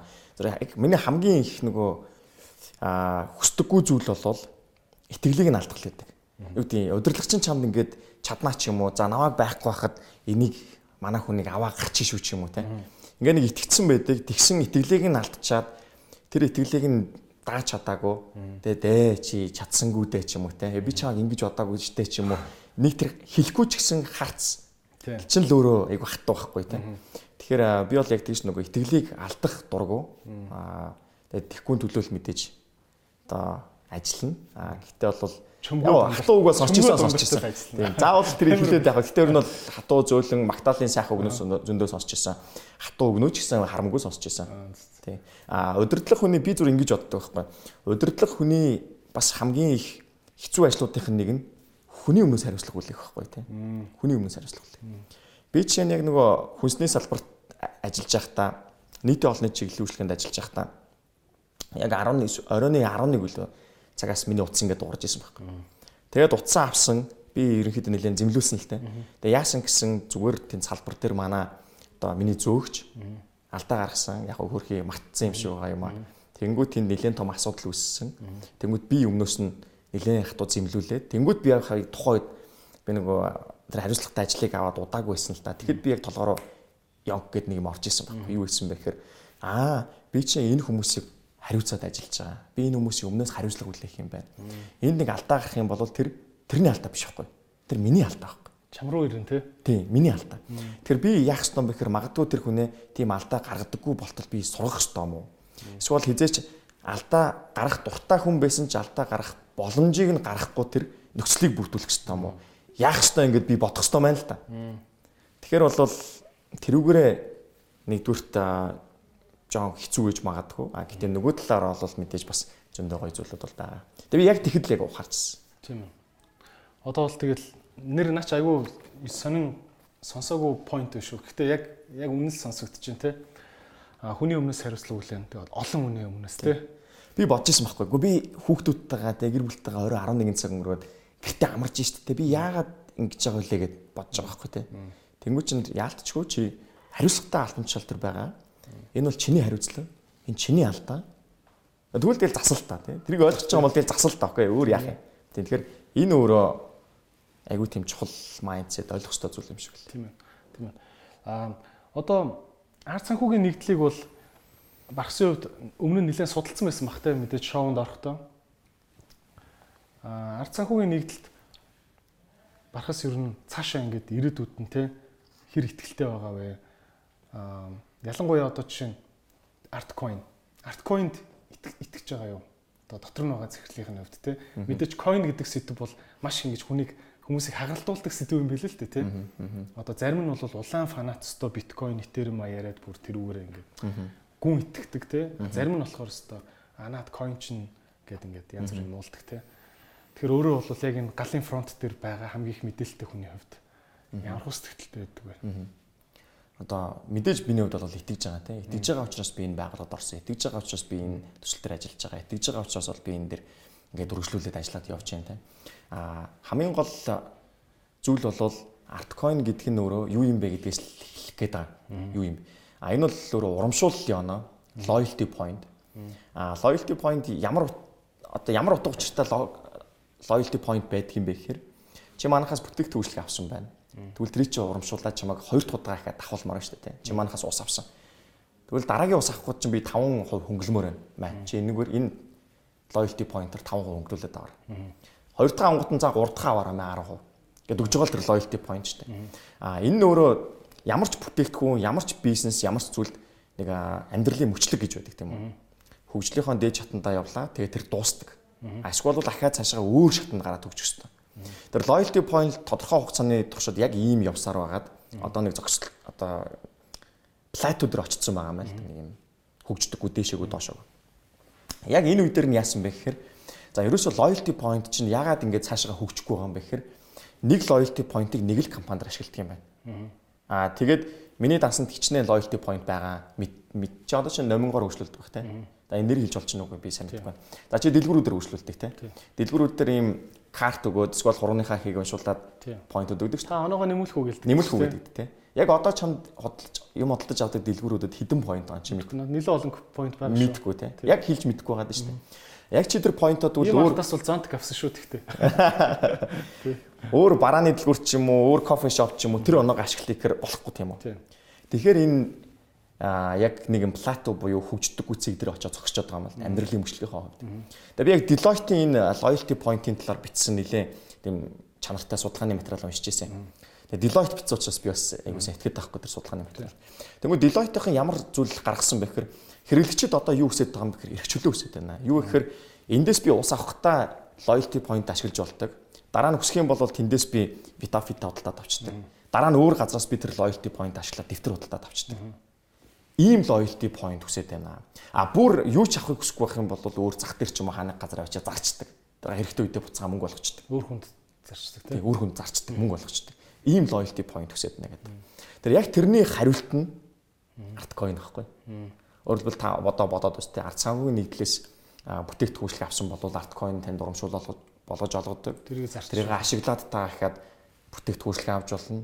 А өсөхгүй байх юм бол та маркет дээр зах зээл дээр очиод та тэрнийг зарчиж болно. Бэлэн мөнгө болгоод авчиж болно. А бидэд одоо дотоодтой ахаад нөгөө мерчант мерчантуудтай хамтарч ажиллаад артcoin-оор ахаад энд энэ бүтээгдэхүүнчлэгийг хөдөлж авдаг. Тэрэнд нь оролцуулдаг тий. Тодорхой хувьд нь Иймэрхүү байдлаар бидэд бас нэлээд ажлууд хийж байгаа. Тэгэхээр артcoin бол яг одоо дэлхийдээ бидэд гэдэг нөгөө хөл нийлүүлээд зэрэгцээ далахад туслах аюул том тийм инновацлог бүтээгдэхүүн гэж хараад. Тэгээ энэ бол хамгийн ихнийх байхгүй тийм монголчуудын хамгийн ихнийх. Тэгэхээр энэ дэр мэдээж юу гэдгийг хүмүүс хамгийн ихнийх учраас арай сайн ойлгож амжаагүй гэж магадгүй. Эсвэл арай сайн итгэж амжаагүй гэж магадгүй Гэтэл эн чинь нөгөө ганцхан ардын бүтээгдэхүүн биш. Бид нар хэрвээ гадагшаа гарах юм бол монголчууд л гадагшаа гарч байгаа байхгүй тийм. Тэр эн чинь монголчуудын л бүтээгдэхүүн байхгүй. Тэр нөгөө бид дотроо ингээл нөгөө тэрэн ч тийм энэн ч юм гэхээс илүүтэй уг нь гадагшаа гараа Торонтогийн хөрөнгийн бирж дээр 20 сая 30 сая 40 сая доллар босгоол. Буцаагаал Монголдоо л ирнэ штэ тий. Тэгэхээр тэрэн дээр магадгүй дотроо ч байсан гадагшаа гарахж байсан дэмжээл явах хэрэгтэй юм шиг байна. Одоо арт артcoin за окей зөндөө олон хүмүүс артcoin угсаа хойгоо зэхэрл чинь лайв хийгээл хүн амтнд тараагаал гэдэг дээ. Бүх хүүхдүүдэд артcoin өгч ийн гэл. Тэгэл яваад дээ дээ. За ингээ бага монголчууд ингээ арткоинтой болчлоо тийм үү. Тэгээд танах сая Bittrex гээд гадны хөрөнгөний бирж дээр одоо койны крипто бирж дээр гарсан шүү дээ арткоин. Аа. Тэн дээр бага монголчууд нөгөө арткоинтой байгаа тэрийг ингээд гадаадуудад зарах гэдэг шүү дээ. Аа. Авч эхэлж гин үү те. Энэ цаашдаа ер нь хэр явах вэ? Bittrex дээр бол сая ингээд ямар ч гэсэн гарчлаа те. Аа өөр юу болж чинь нэг хэсэг нэг жоохон амжчих шиг болоо те сонгол монгол гэд амжчихсан уу? Мэдэн мэдэн дарагдсан уу? Надад зүгээр тийг санагцсан а Bittrex-тер бид нар гарсан сая өнгөрсөн 7 хоногт бид нар Uniswap гээд одоо төвлөрсөн бус дэлхийн хамгийн том бирж юм байлээ л те за тэрэн дээр жишээ нь яг өдөр тутамдаа эргэлддэг долларын хэмжээгээр бол яг дэлхийд бол хамгийн том юм байлээ. Төвлөрсөн бус бирж буюу тэнд ямар нэгэн одоо байгууллага ч юм уу төр ч юм уу тий засгийн газар ч юм уу тэрийг ингэж зохицуулахгүй ямар нэг дундын зууч байхгүй гэсэн үг. Шууд л энд зармаар байгаа, авмаар байгаа хоёр хүн байх юм бол хоорондоо төлөрсөн бус байдлаар одоо арилжаа хийдэг гэсэн үг. Uniswap гэдэг энэ бирж дээр бол манай хардкойноор гарсан байгаа даа. За гих мэтчлэн ийм шат дараатаа ерөнхийдөө бид хэд бол ажлууд ингээ хийгээд байгаа. Одоо нэг л өдрийн дотор гайхамшиг хийж тохиолдохгүй байхгүй тийм нэг л өдрийн дотор бид нар дэлхийн хамгийн том бирж тэр мэдгүй гэдэг юм Binance дээр ч юм уу Altcoin боломжтой болоод нэг л өдрийн дотор шууд дэлхийн өнцөг болон бүрээс хэдэн тэр бөмбөн сонирхоол тийм ингээл гайхамшиг болохгүй. А Altcoin жишээ нь 3 жилийн өмнө анх энэ төсөл эхэлж исэн тийм өнгөрсөн жилийн 8 сарын 9 бас 9 сар болтол нэг Altcoin нэг төрөгтөл тэнцүү байсан. 2 жил гарan гэсэн үг шүү дээ Тэгээ энэ хугацаанд юу хийжсэн бэ гэхээр яг өнөөдрийн өнөөдөр чинь ханш нэг 180 эрэгтэй ах шиг байна. 190 болтлох тэр ажлууд л тэр 2 жил хийгдсэн л баггүй юу. Тэгэхээр яг энэ юм чинь хийдэж явж явж байгаа яг моментор очоод нэг моментум үүсдэг штэ. Яг моментум өнгөрсөн жилийн сүүлээр үүсч эхэлсэн. За маш олон үйл явдлууд дахиад давхцсан. Ингээ 300 өссөн те 200 өрсөн. Тэр эндээс юу гэж хэлэх гээд байгаа юм бэхээр яг өнгөрсөн тэр 2 жил бэлтгэл ажил явж явж байгаа 3 дахь жил дээрээ огцсон ингээд моментум аваад ирч аваад дээшээгээ өсөж штэ тий. Тэрнтэй адилхан одоо бид нар гарах гад гадагшаа олон олоосод гарах гад ингээд ажлууд хийгдэд явж байна. Эхнээсээ Bittrex дээр гарлаа. Тэрний өмнө Stex дээр гарсан. Одоо Uniswap дээр сая гарлаа. Ингээд нэг нэг алхаал яваад байгаа байхгүй. Хүүхэд хизээч хөл дороогүй байжгаад 10 алхам харахгүй шүү дээ. Тэрнтэй адилхан бид нар гарах гал баянаас нэг өдөр бодоо олгоно л гэж бодод бодоод байна те нэг л өдөр өдрийн амжилт хийж байдаггүй тийм. Нэг л өдрийн амжилт юм шиг харагдаж байгаа. Хөшгөний хөшиг нэгтгэрээ. Гэтэ хөшиг хаагдсан байхад тэр хүн 10 жил бэлтгэл хийсэн байхгүй. 20 жил амьдралаа зориулж ээж хөшиг нэгтгэхэд нэг өдрийн дотор амжилт юм шиг харагдаж байгаа л байхгүй. Тэрнтэй адилхан бид нар алхмуудаа урагшлуулад хийсээр л байгаа. Ажлуудаа хийж байгаа. А тэгээ дахиад нэг моментум авах бах. Бархсыг одоо за ингээд одоо Монголын анхны coin coin шүү дээ тий. Бараг анхных гэж болно үстэй арт coin чинь За яг энэтэй адилхан төсөл бол анхных нь тийм. Тийм тий. Одоо Монголынхон л биткойн өстэй ер нь бол тий бол гэж болоод бас зөв. Тий. Одоо цаг мартал гэдэг чинь. Тий. Монголын биткойн гэж ойлгоод байна старткойныг. За тэгэнгүүт юу байгаа штэ. Аа танаа найзууд байгаа штэ. Би бол одоо ингээл найзуудтайгаа ярина. Одоо жишээ нь. За манай найз охин бол жишээ нь амар койнонд итгэдэг байхгүй. Цаадах чинь ингээл биткойн биткойнтой заяа. Этериум одоо ямар ямар гинэ хид хидэн койнтой. Тэгээд нөгөө Binance Center дээр ингээд харуулна Надад тийм байхгүй шүү дээ тий. Аа тэгэнгүүт найзуудын дунд ингээд ялчгүй маргаа үүсдэг байхгүй ингээд пи уугаа сууж яхад тий. Подкастын спонсор Цэник. За дархлааг сайжруулах энэхүү бэлтгэл нь хунчрын маш их агууламжтай ийм бэлтгэл байгаа. Тэгээд Монсын бүтээгдэхүүнүүд бол маш олон жилийн шинжлэх ухааны суурь судалгаан дээр тулгуурлан хийгддэг их мундаг инновац шингэсэн бүтээгдэхүүнүүд байдаг. Тэгээд ийм гоё савлгаатай дархлаа сайжруулна, хүний ядаргааг тайлна, бие эрч хүчийг сэлбэн хамгийн гол нь өвчнөөс өөрчлөн сэргийлдэг ийм эрүүл мэндийн дэмжих бэлтгэл байгаа. Тэгээ та бүхэн эмчилгээний үед болон өөрчлөн сэргийлэх байдлаар энэхүү бэлтгэлийг хэрэглээрэй. Өдөрт нэгийг 30 өдөр гэсэн ийм курсээр та бүхэн хэрэгжилж болно. Тэгээд бүх насны хүнд хэрэглэхэд зохимжтой цэник ундаа. Манай дугаар тань таалагдж байгаа гэж найдаж байна. Таалагдж байвал та шеэрлээрэй гэж хүсэж байна. Тэгээд энэхүү дугаарыг нийслэлийн хүүхэд залуучууд гэр бүл хөгжлийн газартай хамтран танд хүргэж байна. Подкастын спонсор Vitafit-ийн шар сүний ундаа За эрүүл амьдралыг эрхэмлэгч залуучуудад зориулсан ийм шин төрлийн бүтээгдэхүүн байгаа. Хар чавганы амттай учраас их сахаргүй. За тэгээд мөн уламжлалт шар сүүгээр хийсэн учраас уургаар баялаг 12% уургатай байгаа. Тэгээд хүний биед маш хэрэгтэй эрдцүүд болох төмөр, селен, йод, цайр гих эрдцүүдээр баяжуулсан ийм ундаа байгаа. Тэгээд та бүхэн аваад уугаараа Vitaфитийн шар сүүний ундаа. За окей, багсын ажлыг нэлээд шалгаалаа тий. Ажил нь ямар ч байсан сайн яваа юм байна. Тий. Одоо баяртай байна.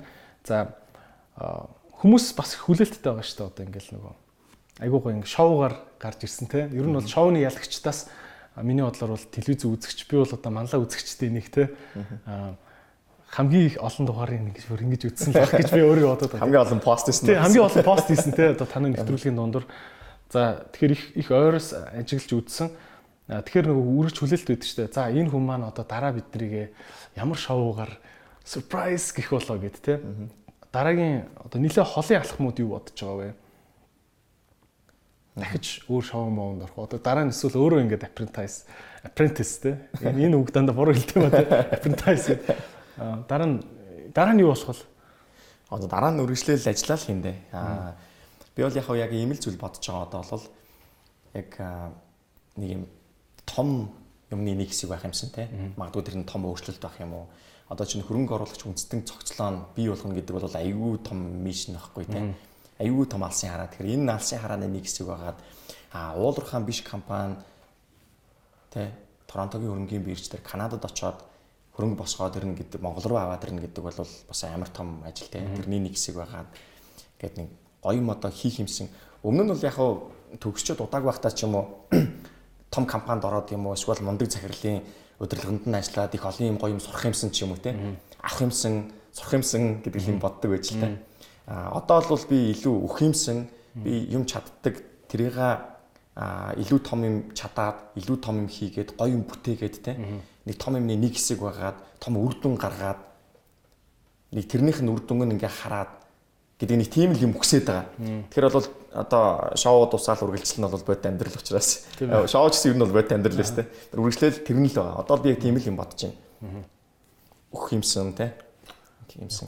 Бамбар. А мэдээж хизээ тэр нь биелэх юм итгэхгүй. Одоо тэгээд нэг хоногийн дараа биелэх юм уу? Нэг жилийн дараа, 10 жилийн дараа юм мэдэхгүй. Тэгтээ ямар ч үсэ яг би бол нэг тийм юм бодоод байна. Хүсээд байна. Гэхдээ нийгэмдээ том бамбар болох хэрэгтэй шүү дээ. Ингээд олон гэрэлтүүлдэг те. Тий. Окей. Хэмсэн л. Багсын хувийн амьдралын талаар яриач ер нь хувийнх нь амьдрал яаж юм те нөгөө ёо хүүхэд нь жоохон байгаа шүү дээ те.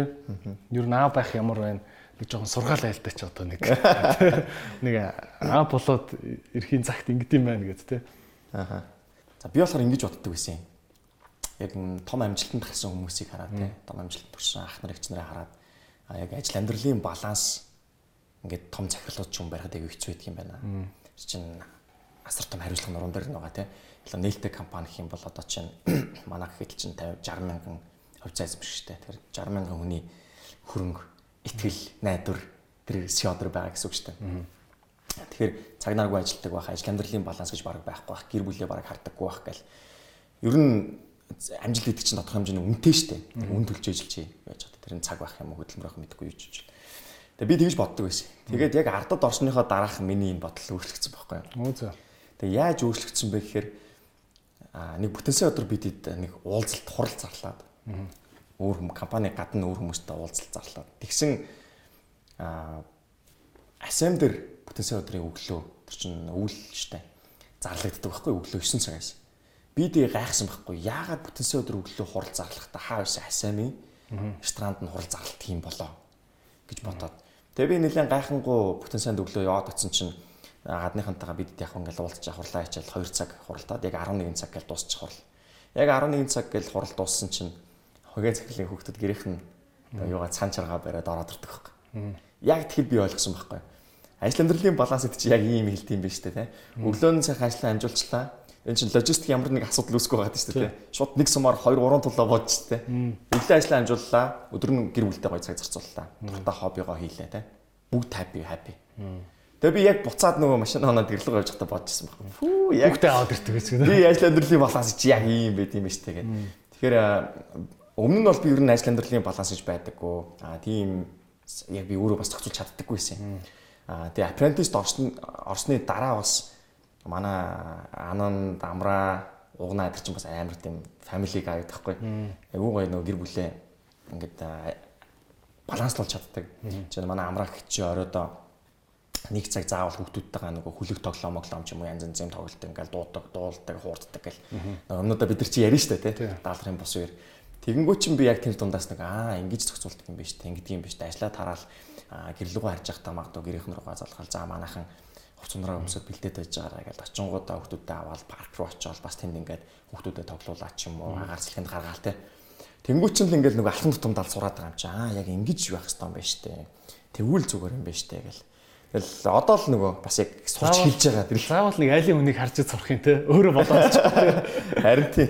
Харин гэхдээ ер нь бас юм ард санхүүгийн нэгдэл шиг юм олон олон нэг үеийн захирлуудтай газар их гоё юм шиг байна те нөгөө олон хүний амьдралаас жижигэн жижигэн нэг нэг хэрэгтэй юм сураад авчдаг. Тэгээд нийлүүлэхээр ингээд лаг гоё ноу хаваатай болчихдаг те.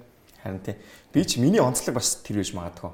Аа хүмүүсээс нөгөө юм сурах гэдэг ч юм уу те. Хүмүүсээс ингээд аа үлэн тий үлэн те муугар өвлөн нэгттэй юм уу та.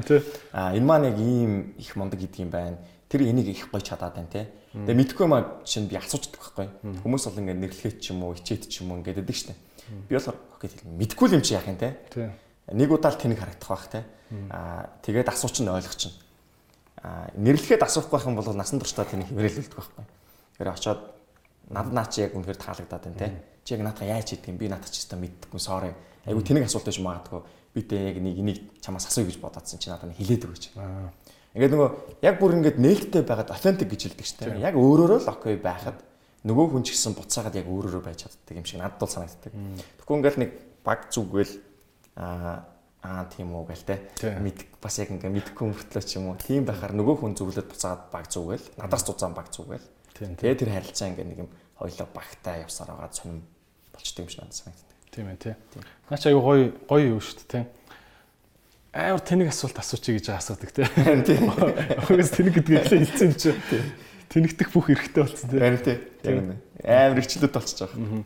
Яа одоо багсын яг одоогийн хувьд чи чи бол ингээл үргэлж өөрийгөө хөгжүүлээл сураал явж байгаа хүн юм чиг яг залуу ингээд гэр бүлийн одоо гэр бүл толгоолж явж байгаа тий. Залуу аав хүний хувьд бас ингээд айгу завгүй аав хүн тий. А өөр гэр бүлдээ одоо баримталж байгаа зарчмууд юу вэ? Сая Марк Кюбнаас сурсан юм аа ингээд ярьж байна тий. Өөр чиний одоо тэгвэл чамаас сурал л да тий. Дүн манай үзэгч нар тий. Чиний одоо жор юу байна? Гэр бүлдээ баримталдаг. Яг зөв сонирхуулаад хэлвэл манай охин чинь а өнгөрсөн жил гэхээр 3 настай байхдаа юм уу надтай ингээд шатар тоглолдог гэсэн байхгүй. Шатар тоглолдог. А тэгэд одоо болохоор дөрөв арай хүрээг байхдаа надтай ингээд бас хүзэр тоглолдог. Өө цоц. Тэгээд ингээд нөгөө далбаа мал өнөд чинь бас ингээд би хүзэр хартаадаа сурчсан байх. Өнгөрсөн жил чинь цэцэрлэгт яваад бас мянган дотор ингээд нөгөө чөлөөтэй нэмч чаддаг болсон. Тэгээд тэр юмнууд төр нь яг зарим хүмүүс бол нөгөө хүүхдийн хүүхд чигээр нь бол гаач нэтрэг яг бас эсрэг point байдаг л та. А би тэнгүү шатар тоглож байхдаа чинь хүүхдтэй ингэж хэлдэг байхгүй. А хоёр ингээд 3 4 хоног ч юм уу тоглохгүй байж байгаад нэг тоглоно штэ. Тэгэхээр би хоччихдаг байхгүй. А тэгээд юу гэж хэлдэг хөр тэр те чи автагаа ингээд нөгөө өдөр болгон тоглохгүй байхаар хүн мартаад идэх юм аа. А чи өдөр болгон тогтмол хийгээл ах юм бол наад чадвар чинь сайжаад идэх юм аа. Чи яагаад ингээд өнөөдөр хожигдсан гэдгийг мэдэж байна уу? Мэдхгүй гэлтэй штэ. Тэгвэл хоёлоо өнгөрсөн 3 өдөр хоёлоо тоглосонго. Тэгэхээр чи хийхгүй юм чинь чи аа ялагдчихлаа. А чи ингээд өдөр болгон хийгээд хар хождог болно. А тэнгуү чи ингээл нэг бодно штэ тий хүүхд чинь бодно. Тэнгуүтээ магадгүй маргааш натаа тоглол нөгөөдөр тоглонгод би хожигдно. Тэр чи яагаад аав ингээ hodсон мэд чинь мэдгүй. Тэнгуү чи чи ингээд өдөр болгон хийгээд авчаас чи улам илүү ингээ сайжаад байна шүү дээ харж байгаа. Яа, нац супер. Яг шатар тоглохтойч биш гол нь тэр нэг бодол ингээ цаана өгөөд байгаа тийм. Өдөр болгон зүтгэдэг гэдэг тэр өдөр болгон тууш тууштай зам тий. Тий, тууштай зам. Тууштай зам зааж өгөөд шүү дээ тий. Тэр юмнуудыг яг иймэрхүү байдлаар ингээд заах гэж ч юм уу бас оролддог. Тэгээ тэр нь бас гайгүй одоохондоо зөвлөл гэж бодоод байна. Үр дүн гарах л үүдээ тий. Тийм хүмүүжлийн арга мараа тиймэрхүү. Яг хаа тийм байна. Nice. За наад чинь болс үнэхээр амар ноу хау байна тий. Тэгээд чи ер нь сошиал сошиал дээр идэвхтэй байгаа сте одоо. Идэвхтэй байна уу бэлгүү дээ одоо шоуны шоуны ялагч хүн байна гэсэн тий. Тий. Зөвөр үзэгчийн зүгээс хүсэлт байна тий. Яг иймэрхүү гоё гэр бүл юм офс дээрээ ажил дээр болж байгаа иймэрхүү гоё кейсүүд, ноу хаунуудаа бас гоё сошиал дээр хуваалцдаг байгаа ч гэж хүсэж байна. Би уг аяг хуваалц гэж боддгийм аа. Тэгээд яг сошиал дээр бас нэлээд идэвхтэй байх гад тэр их цаг ордог. Эдрээ бол аягүй сайн мэдж байгаа. Аягүй сайн орд юм байлээ. Би ихтэй бас аа ер нь бичих бол аягүй маш чухал эрдэм юм байна. Маш чухал ур чадвар юм байна гэдгийг би сүулт ойлгоод байгаа. Тэр яг нөгөө бичгтэрээ би бас нэлээд ажиллая гээд тэгээд нэг нь бичиж байгаа юм чин өөртөө зориулж бичихгүй хүнд хэрэгтэй юм биччихье те. Сошиал дээр яаж нэг пост болгоод оруулчихъя. Тэгвэл бас хин нэгэнд бодол нэмчих байх гээд тэр сошиал дээр нэлээд идэвхтэй байх гэж би оролдоод авав. За хичээгээрээ тэр манай үзэгчд бархсыг дагаараа те. хайж болоод дагаараа те. Facebook дээр үстэй ер нь Facebook дээр илүү идэвхтэй байсан дээр үстэй. Тийм Facebook, Insta, Twitter аль алин дээр нь аль алин дээр те. Окей. За а одоо ингээд ер нь залуу захирлын захирлуудад те бархсын зүгээс за одоо нэг ийм хоёлоо зөв төсөөлөл л та дөнгөж 30 хүрээгүй те 30 хүрээгүй хэрнээ ингээд залуугаараа айгу ихтгэлтэй одоо одоо одоо компани үүсгэн байгуулагчийн итгэлийн дагаад те за окей чи одоо ингээд захирал болоо гэд ингээд болж байгаа нэг залуу байлаа гэж бодъё л та 27 та. За тэгээд тэр компани нь бол нэг амар том компани биш. Гэхдээ бол яг хөөрхөн эдэн тэрбум оруулах ярина тий. Тэгээд 50-аад ажилтнаа гэж бодъё л да. За ийм захиралд барахс нэг хэдэн жилээр бас илүү амс хилээцэн ахын үг хилээч гэвэл юу ч хэлэх үү. Танаа дүү ингэ суучлаа гэж бод. Хамаатны чинь дүү. Ах би бас одоо ингэ CEO болсон. Одоо яа гэм блэ гэсэн орж ирлээ гэж бод тий. Юу ч хэлэх үү. Би ч өмнө нь нэг функц хариуцдаг байж байгаад, маркетинг хариуцдаг байж байгаад тэгээд компани хариуцдаг болж дэвшингүүт. Гэт яг эхний нэг жил бол би яаж гүйцэтгэх удирдлага байх юм бэ гэдэг би сурсан байхгүй. Аа ер нь эхний жил бол яг тэгдэг юм байлээ. Тэгээд би эхний жилийнхаа тэр сургалтыг одоо нөгөө илүү богино хугацаанд мэдэх шаардлагатай мэдхийг мэдхийн тулд өөртөө нэг юм зорилт тавиад 7 хоногт би яг 2 хүнтэй уулзсан. Аа тэр нь бол захирал ч юм уу, эсвэл бол эзэн ч юм уу те. Надад яг энэ яаж нөгөө менежментийг хийдгийг, яаж компаниг удирддгийг, яаж лидер байдгийг гэдэг талаар надад хэлж зааж чадах үз. Хоёр хүнтэй уулзнаа гэдэг зорилго тавиад. Тэгээд 7 хоногтоо би ингээд кофе уунгаа ямар нэг хоёр хүнтэй уулзчих. Аа тэгээд зарим жишээ захирлуудтай бол би араас нь ингээд 6 сар хөөцөлдөж жагаад 45 минут ингээд уулзах цаг хүртэл авч исэн. Тэгээд яг тэгэж 45 минут уулзчаа дараа нь эргүүлээд өө би яг араас нь 6 сар ингээд хөөцөлдсөн нь бол те worth it байж. Би яг өөртөө хэрэгтэй байсан тэр нөгөө зөвлөгөөгөө ингээд авч чадчихэна гэдэг ийм зүйлийг юу яасан тухайд бодож исэн. Тэгэхээр мэдгүй чадахгүй юм байх юм бол түрүүний хэлдэг шиг мэддэг хүнээс нь гялс сонсчих нь мэддэг хүнээс нь олоод авчих нь бол хамгийн хурдан зам байх. А дээрэс нь мэдлэгийн хамгийн ихний анхдагч их усүр нь өөр хүн байхгүй тий. Чи ном уншиж болно, нийтлэл уншиж болно, ярьцлага үзэж болно. Гэхдээ тэр болгоны чинь хин нэгэн бичиж байгаа, хин нэгэн ярьж байгаа штэ. Тэр мэдээлэл гэдэг бол аюул чухал. Ур чадвар. Нэгдүгürt нь. А хоёрдугаарт нь SEO гэдэг бол өөрөө Chief Executive Officer гэсэн үг шүү дээ. Executive буюу хэрэгжүүлэгчтэй, хэрэгжүүлэх гэдэг дээ. Нэг юм Монголд яг гүйцэтгэх гэдэг шүү дээ. Англиар бол энэ execution хэрэгжүүлэхтэй. Тэгэхээр ерөөсөө л үрдүн л байхгүй те. Чи үрдүн л гарах гэдэг гэсэн үг. Тэр чи амар мундаг юу гэдгийг доктор магистр биш байж болно. Их сургууль магадгүй сураагүй ч байж болно. Гэхдээ чи тэр үрдүн л гаргаж байгаа юм бол компани урагшилж байх юм бол чи албан тушаалтаа тэмцэж лэн гэсэн үг шүү дээ. Тэгэхээр тэр нэрнийхээ утга учраас бодсон ч байсан өсөөл чи тэнд үр дүн гарах гэж л байж байгаа. Нэг ийм үг гэдэг чинь сайн хандлага гэж байхгүй, муу хандлагатай хүн гэж байхгүй. Зөвхөн тэнд үр дүн л гэж байдаг гэдэг. Тэр чи үр дүн л гарах гэж байж байгаа байхгүй тийм. Би нөгөө түрүүн асууж байгаад хариултаа авлуу яалаа тэгээд нөгөө хоёлоо яриандаа ингээ халаа явчих. Тэр нөгөө хүн мөнгөтэй харьцах тэр ухаан гэж байгаа шүү дээ тийм. Дүрмүүд. Би нэг дүрм санал болгосон шүү дээ. Хизээч зээл авсан мөнгөөрөө хөрөнгө оруулалт хийж яана гэд бахан офицер өцөө аваарэ. Тэр бол no. За миний хувьд бол тэрийг би нэг чухал дүрм гэж бодоод байна. А энэ шиг багсын хувьд яг одоо энэ санхүүгийн салбарын хүний хувьд ямар ч мэрэгчлээ хүн байсан гэсэн on. Нэг энэ хэдэн дүрмийг заавал баримтлаарай. Санхүү дээр гэдэг юм санал болгож. Би нэг хэсэг телевизээр өглөө хөтөлбөрөөр хувийн санхүүгийн талаар зөвлөгөө өгдөг гэсэн нэг болон эрхэлдэг. Тэгээд тэрэн дээр яг нэг юм аль болох хүмүүст бас хэрэгтэй юм өгчих юмсан гэдэг нэлийн тийм хувийн санхүүгийн талаар хайдаг байсан. Тэгээд тэгж байгаа зүр миний ганцхан ойлгосон зүйл юу байсан бэ гэхээр ерөөсөө л чи яг хөрөнгө оруулалт хийх хэрэгтэй юм байна. Тэр яг тэр үе шатыг дамжихын тулд бол мэдээ чи орлого олох. Тийм. Аа тэрийг хадгалах хэвээр.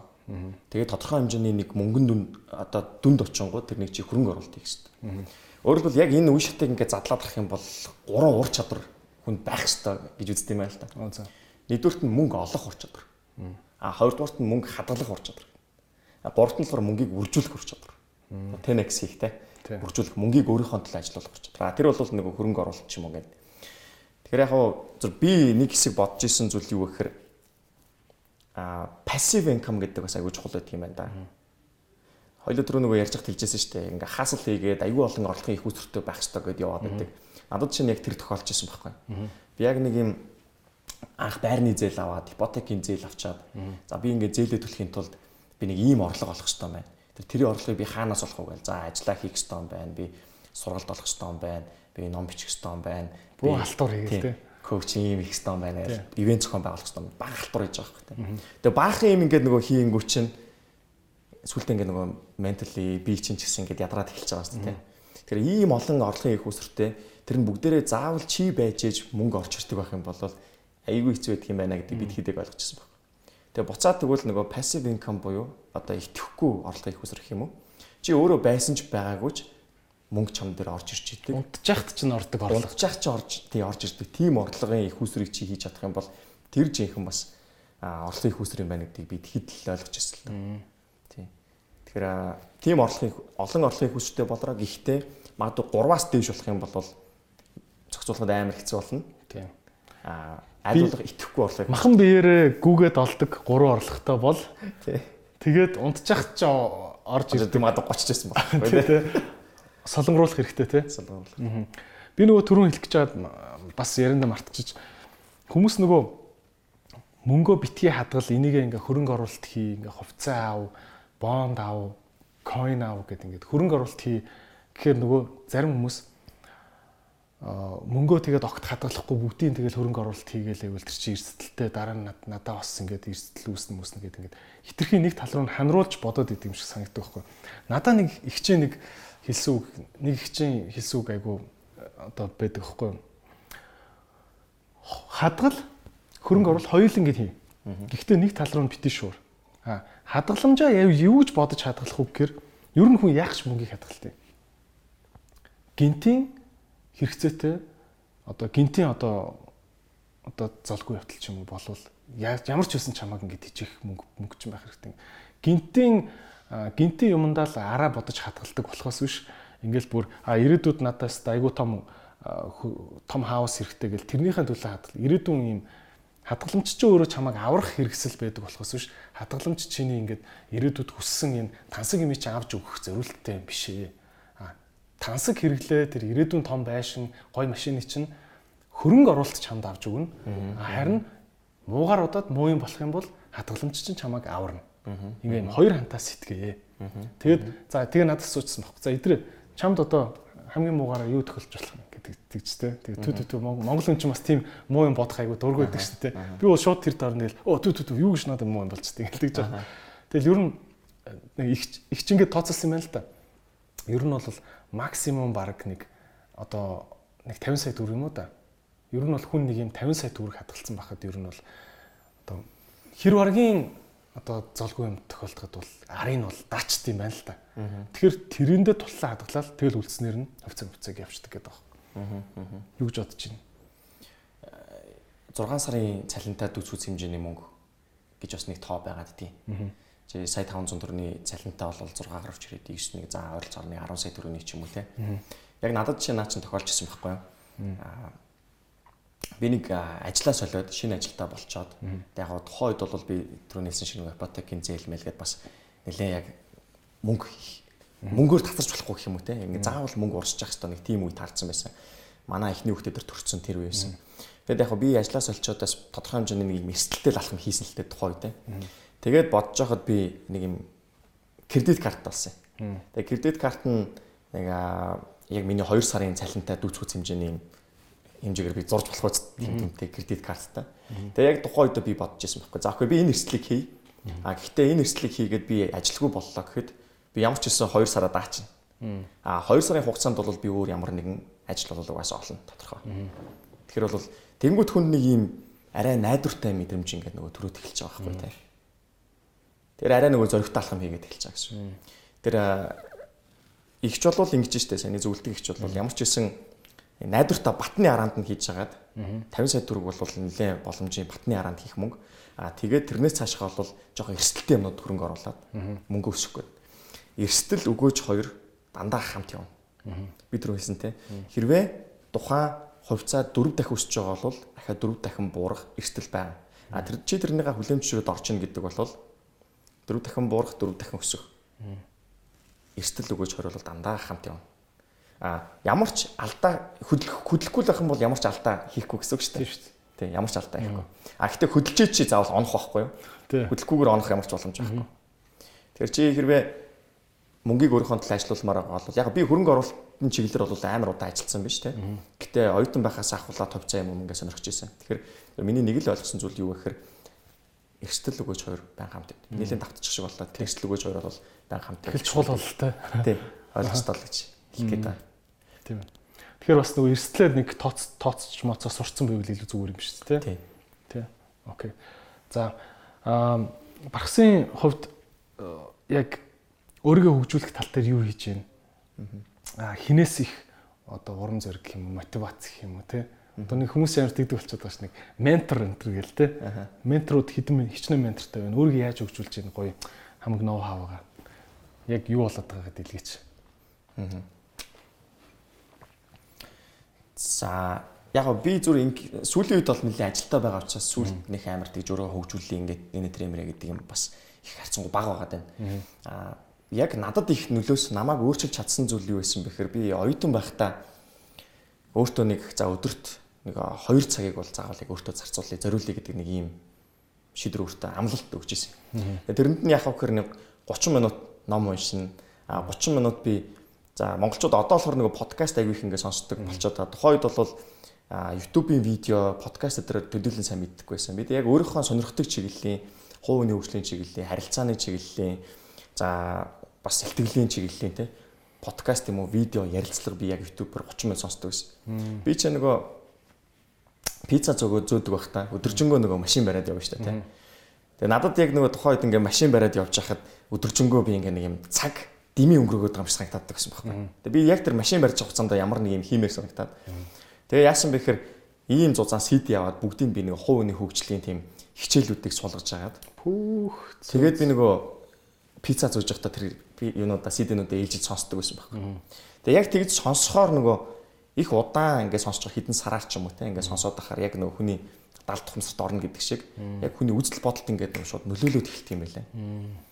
Тэгээд 30 минутанд би ингээд ярианы тасгал хийдэг байсан. Аа тэгээд нэг бясалгал хийх одоо юу гэдэг ингээд нэг хувийн хөгжлийн нэг юмнууд байдаг шээ те. Тиймэрхүү яг 2 цаг би хийдэг байсан.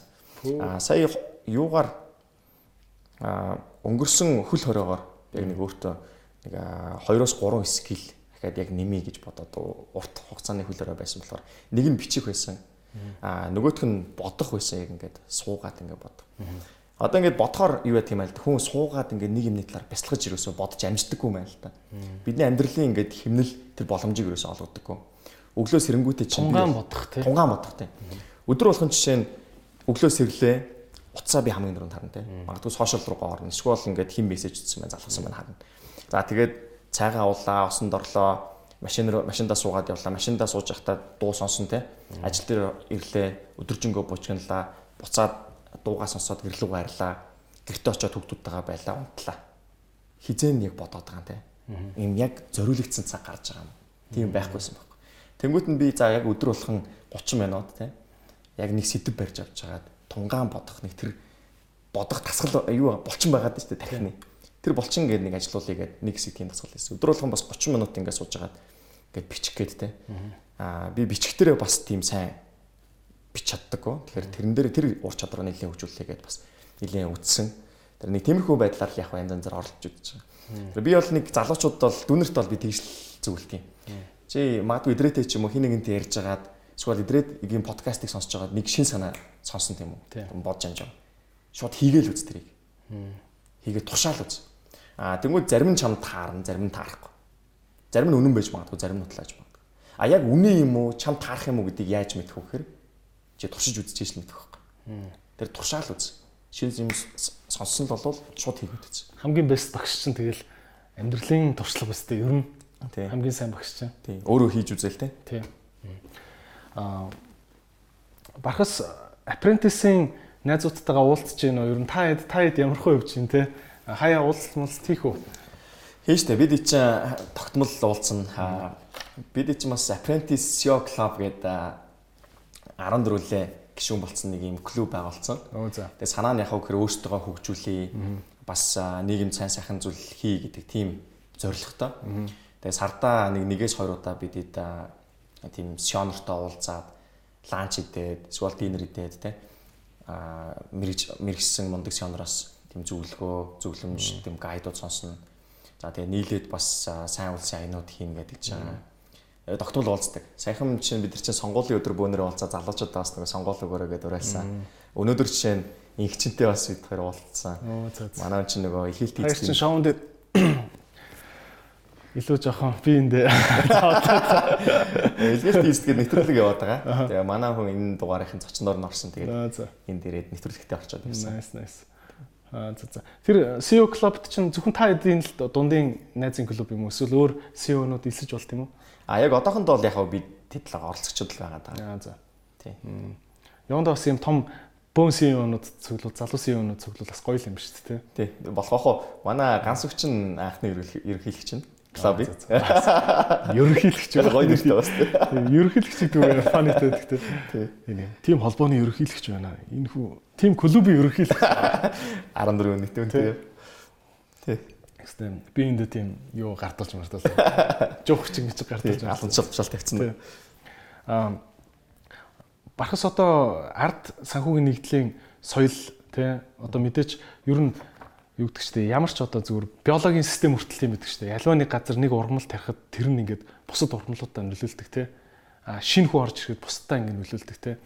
А багсын зүгээс одоо яг энэ ард санхүүгийн нэгдэл дотор ямар одоо бяцхан бичил соёл ч юм уу, бичил дадал ч юм уу, бичил ийм ойлголтыг ингэж авч орж ирж байна те. А ер нь бас энэ санхүүгийн нэгдлийн ямар соёлууд нь бас чамд таалагддгүү. Магадгүй одоо энэ чинь ингээд өөрхөн компанийг томруулах гэж байгаа те Байгууллагын соёл гэдэг асуудал нэг жоох ойлгомжгүй байдаг шүү дээ тий. Энийг өөрөө юу гэж ойлгохдгоо. Яг миний өмнө ажиллаж исэн компани нэг ийм олон улстай нэг ийм зарчим баримталдаг байсан. Fact based, fast paced гэдэг. Аа за. Яг фактн дээр тулгуурлаж шийдвэр гаргана. Fast paced буюу маш хурдтай шийдвэр гаргана гэсэн санаа. Тэгээ яг энийг би нэг ажлынхаа нэг зарчим болгоод ингээд ажиллах гэж оролддог байсан. Жишээ нь ямар нэг хөрөнгө оруулалт хийлээ гэхэд яг ямар хэмжээний зардал гарах юм, яг ямар хэмжээний өртөг ашиг ирж байгаа. Бүгдийг яг татуу тоогоор гаргаж ирж байгаа. Санхүүгийн шинжилгээ хийж байгаад, үргэлжлэх шинжилгээ хийж байгаад гаргаж ирж шинжилж байгаад за энийг хийх хийхгүй гэдэг шийдвэр гаргадаг чинь. Энэ бүтээгдэхүүний үн ямар байх юм гэдгийг бусад бүтээгт өсөлтөгч нарыг бүгднийх нь бүтээгдэхүүнтэй харьцуулж байгаад үнийг гаргаж ирж байгаа. Гэтэ ингээд дахиад цаана тооцоолно шүү дээ. Хийж байгаад тэгээд бүх хүртэгнүүдээ гаргаж ирж байгаад ингэж нөгөө шийдвэрээ гаргадаг байсан. Тэгэхээр яг энэ соёлыг бас би ард дээрээ оруулж ирэх гэж ингэж яг оролдож байгаа гэх юм уу судалгаан дээр тулгуурладаг, яг тоон дээр тулгуурладаг, яг өмнө ажиллаж ирсэнтэйгээ төстэй байдлаар гэсэн санаа. Аа яг тиймэрхүү бодолтой бол орж ирсэн. Аа тэгж бас оролдож байна. За Гэтэ өшөө тиймэрхүү үстэй ард чинь. Яг мэдээж тоон дээр тоон дээр тулгуурлана л да. Гэхдээ маш хурдтай зах зээл, маш хурдтай юу учраас аа яг миний одоо жишээ нь ажиллаж байгаа юу гэдгийг маркетинг чиглэлэнд хариуцж байгаа. Тэнгүүт яг тоогоор хэмжиж болохгүй зүйлүүд бас зөндөө байгаа байхгүй. Жишээ нь юу гэдгийг шинэ үйл явдал боллоо гэхэд олон нийтийн компани учраас бид нэр юу яаж байгаа бүх үйл хөдлөлүүдээ нөгөө хувьцаа эзэмшигч нартаа мэдээлж явах хэрэгтэй. PR гаргалаа гэж үү те. PR-ыг чи тоогоор хэмжиж чадахгүй те. Тийм тий. Энэ хідэн үн таалагдах. Яг энэ зүг юм уу буруу юм уу гэдэг чинь. Тэр тэрэн дээр чи нөгөө аягүй их мэдрэмжийн асуудал байгаа байхгүй юу? Тэгэхээр яг өмнө нь хийж исэн нөгөө маркетингаас одоо хийж байгаа маркетинг тодорхой хэмжээнд зарим нэг талаараа өөрлөгчлөх гэдэг байгаа байхгүй юу санаа. А мэдээж аль болох тоожуулж чинь те том юм. Мэдээж одоо хувиа захирал хөрөнгө оруулалтын юу ч юм уу те шийдвэр ч юм уу эсвэл бол нэгдэн нийлэх эсвэл том дийл дээр бол дандаа л тоо харна те факт харна. А гэхдээ бас энэ дэр нэмэх нэг юм мэдрэмжийн асуудал бас байдаг гэж л гэдэг. А өмнө нь бол би ямар ч байсан мэдрэмжийг хасч хайж агаад хатуу факттай ажиллах гэж хичээдэг байсан гэсэн санаа. Бархас нөө түрүүн рестораны үйлчлэгээний ч юм уу тийм салбарт ажиллаж байсан гэдгсэн шүү дээ а франчайз бизнес гэдэг байгаа шүү дээ тий. одоо энэ франчайз гэдэг нэг юм шин юм орж ирээд бодоолгож байна те кофе шоп одоо ерөөс дэлгүүрүүд. Баг бүх юм франчайз болоод байгаа юм шүү те а энэ энэ ийм франчайз бизнесүүд дээр одоо чухал роль гүйцэтгэжсэн хүний хувьд одоо бизнесүүдэд те одоо за зүгээр нэг хүнсний дэлгүүртээ нэг ихч байлаа гэж бодъё тийм үү? Тэр ихчэд юу хэлэх вэ? За ихчээ ийм болоод шүү те ийм чухал юм байдаг шүү одоо манай бизнесүүд ийм юмд айгуу сайн бэлтмээр байна энэ гэд те тэр талаар яриач мөн өөрийнхөө бас франчайз бизнест ажиллаж исэн бас тухайга сонирхолж. За франчайз бизнес гэдэг яриад байгаа би нэг өмнө нь пицца хатын маркетингийг хариуцж ажиллаж исэн. Аа leadership биг компаниар нэг хариуцж ажиллаж исэн. Тав бүгд hotbot гэж явдаг.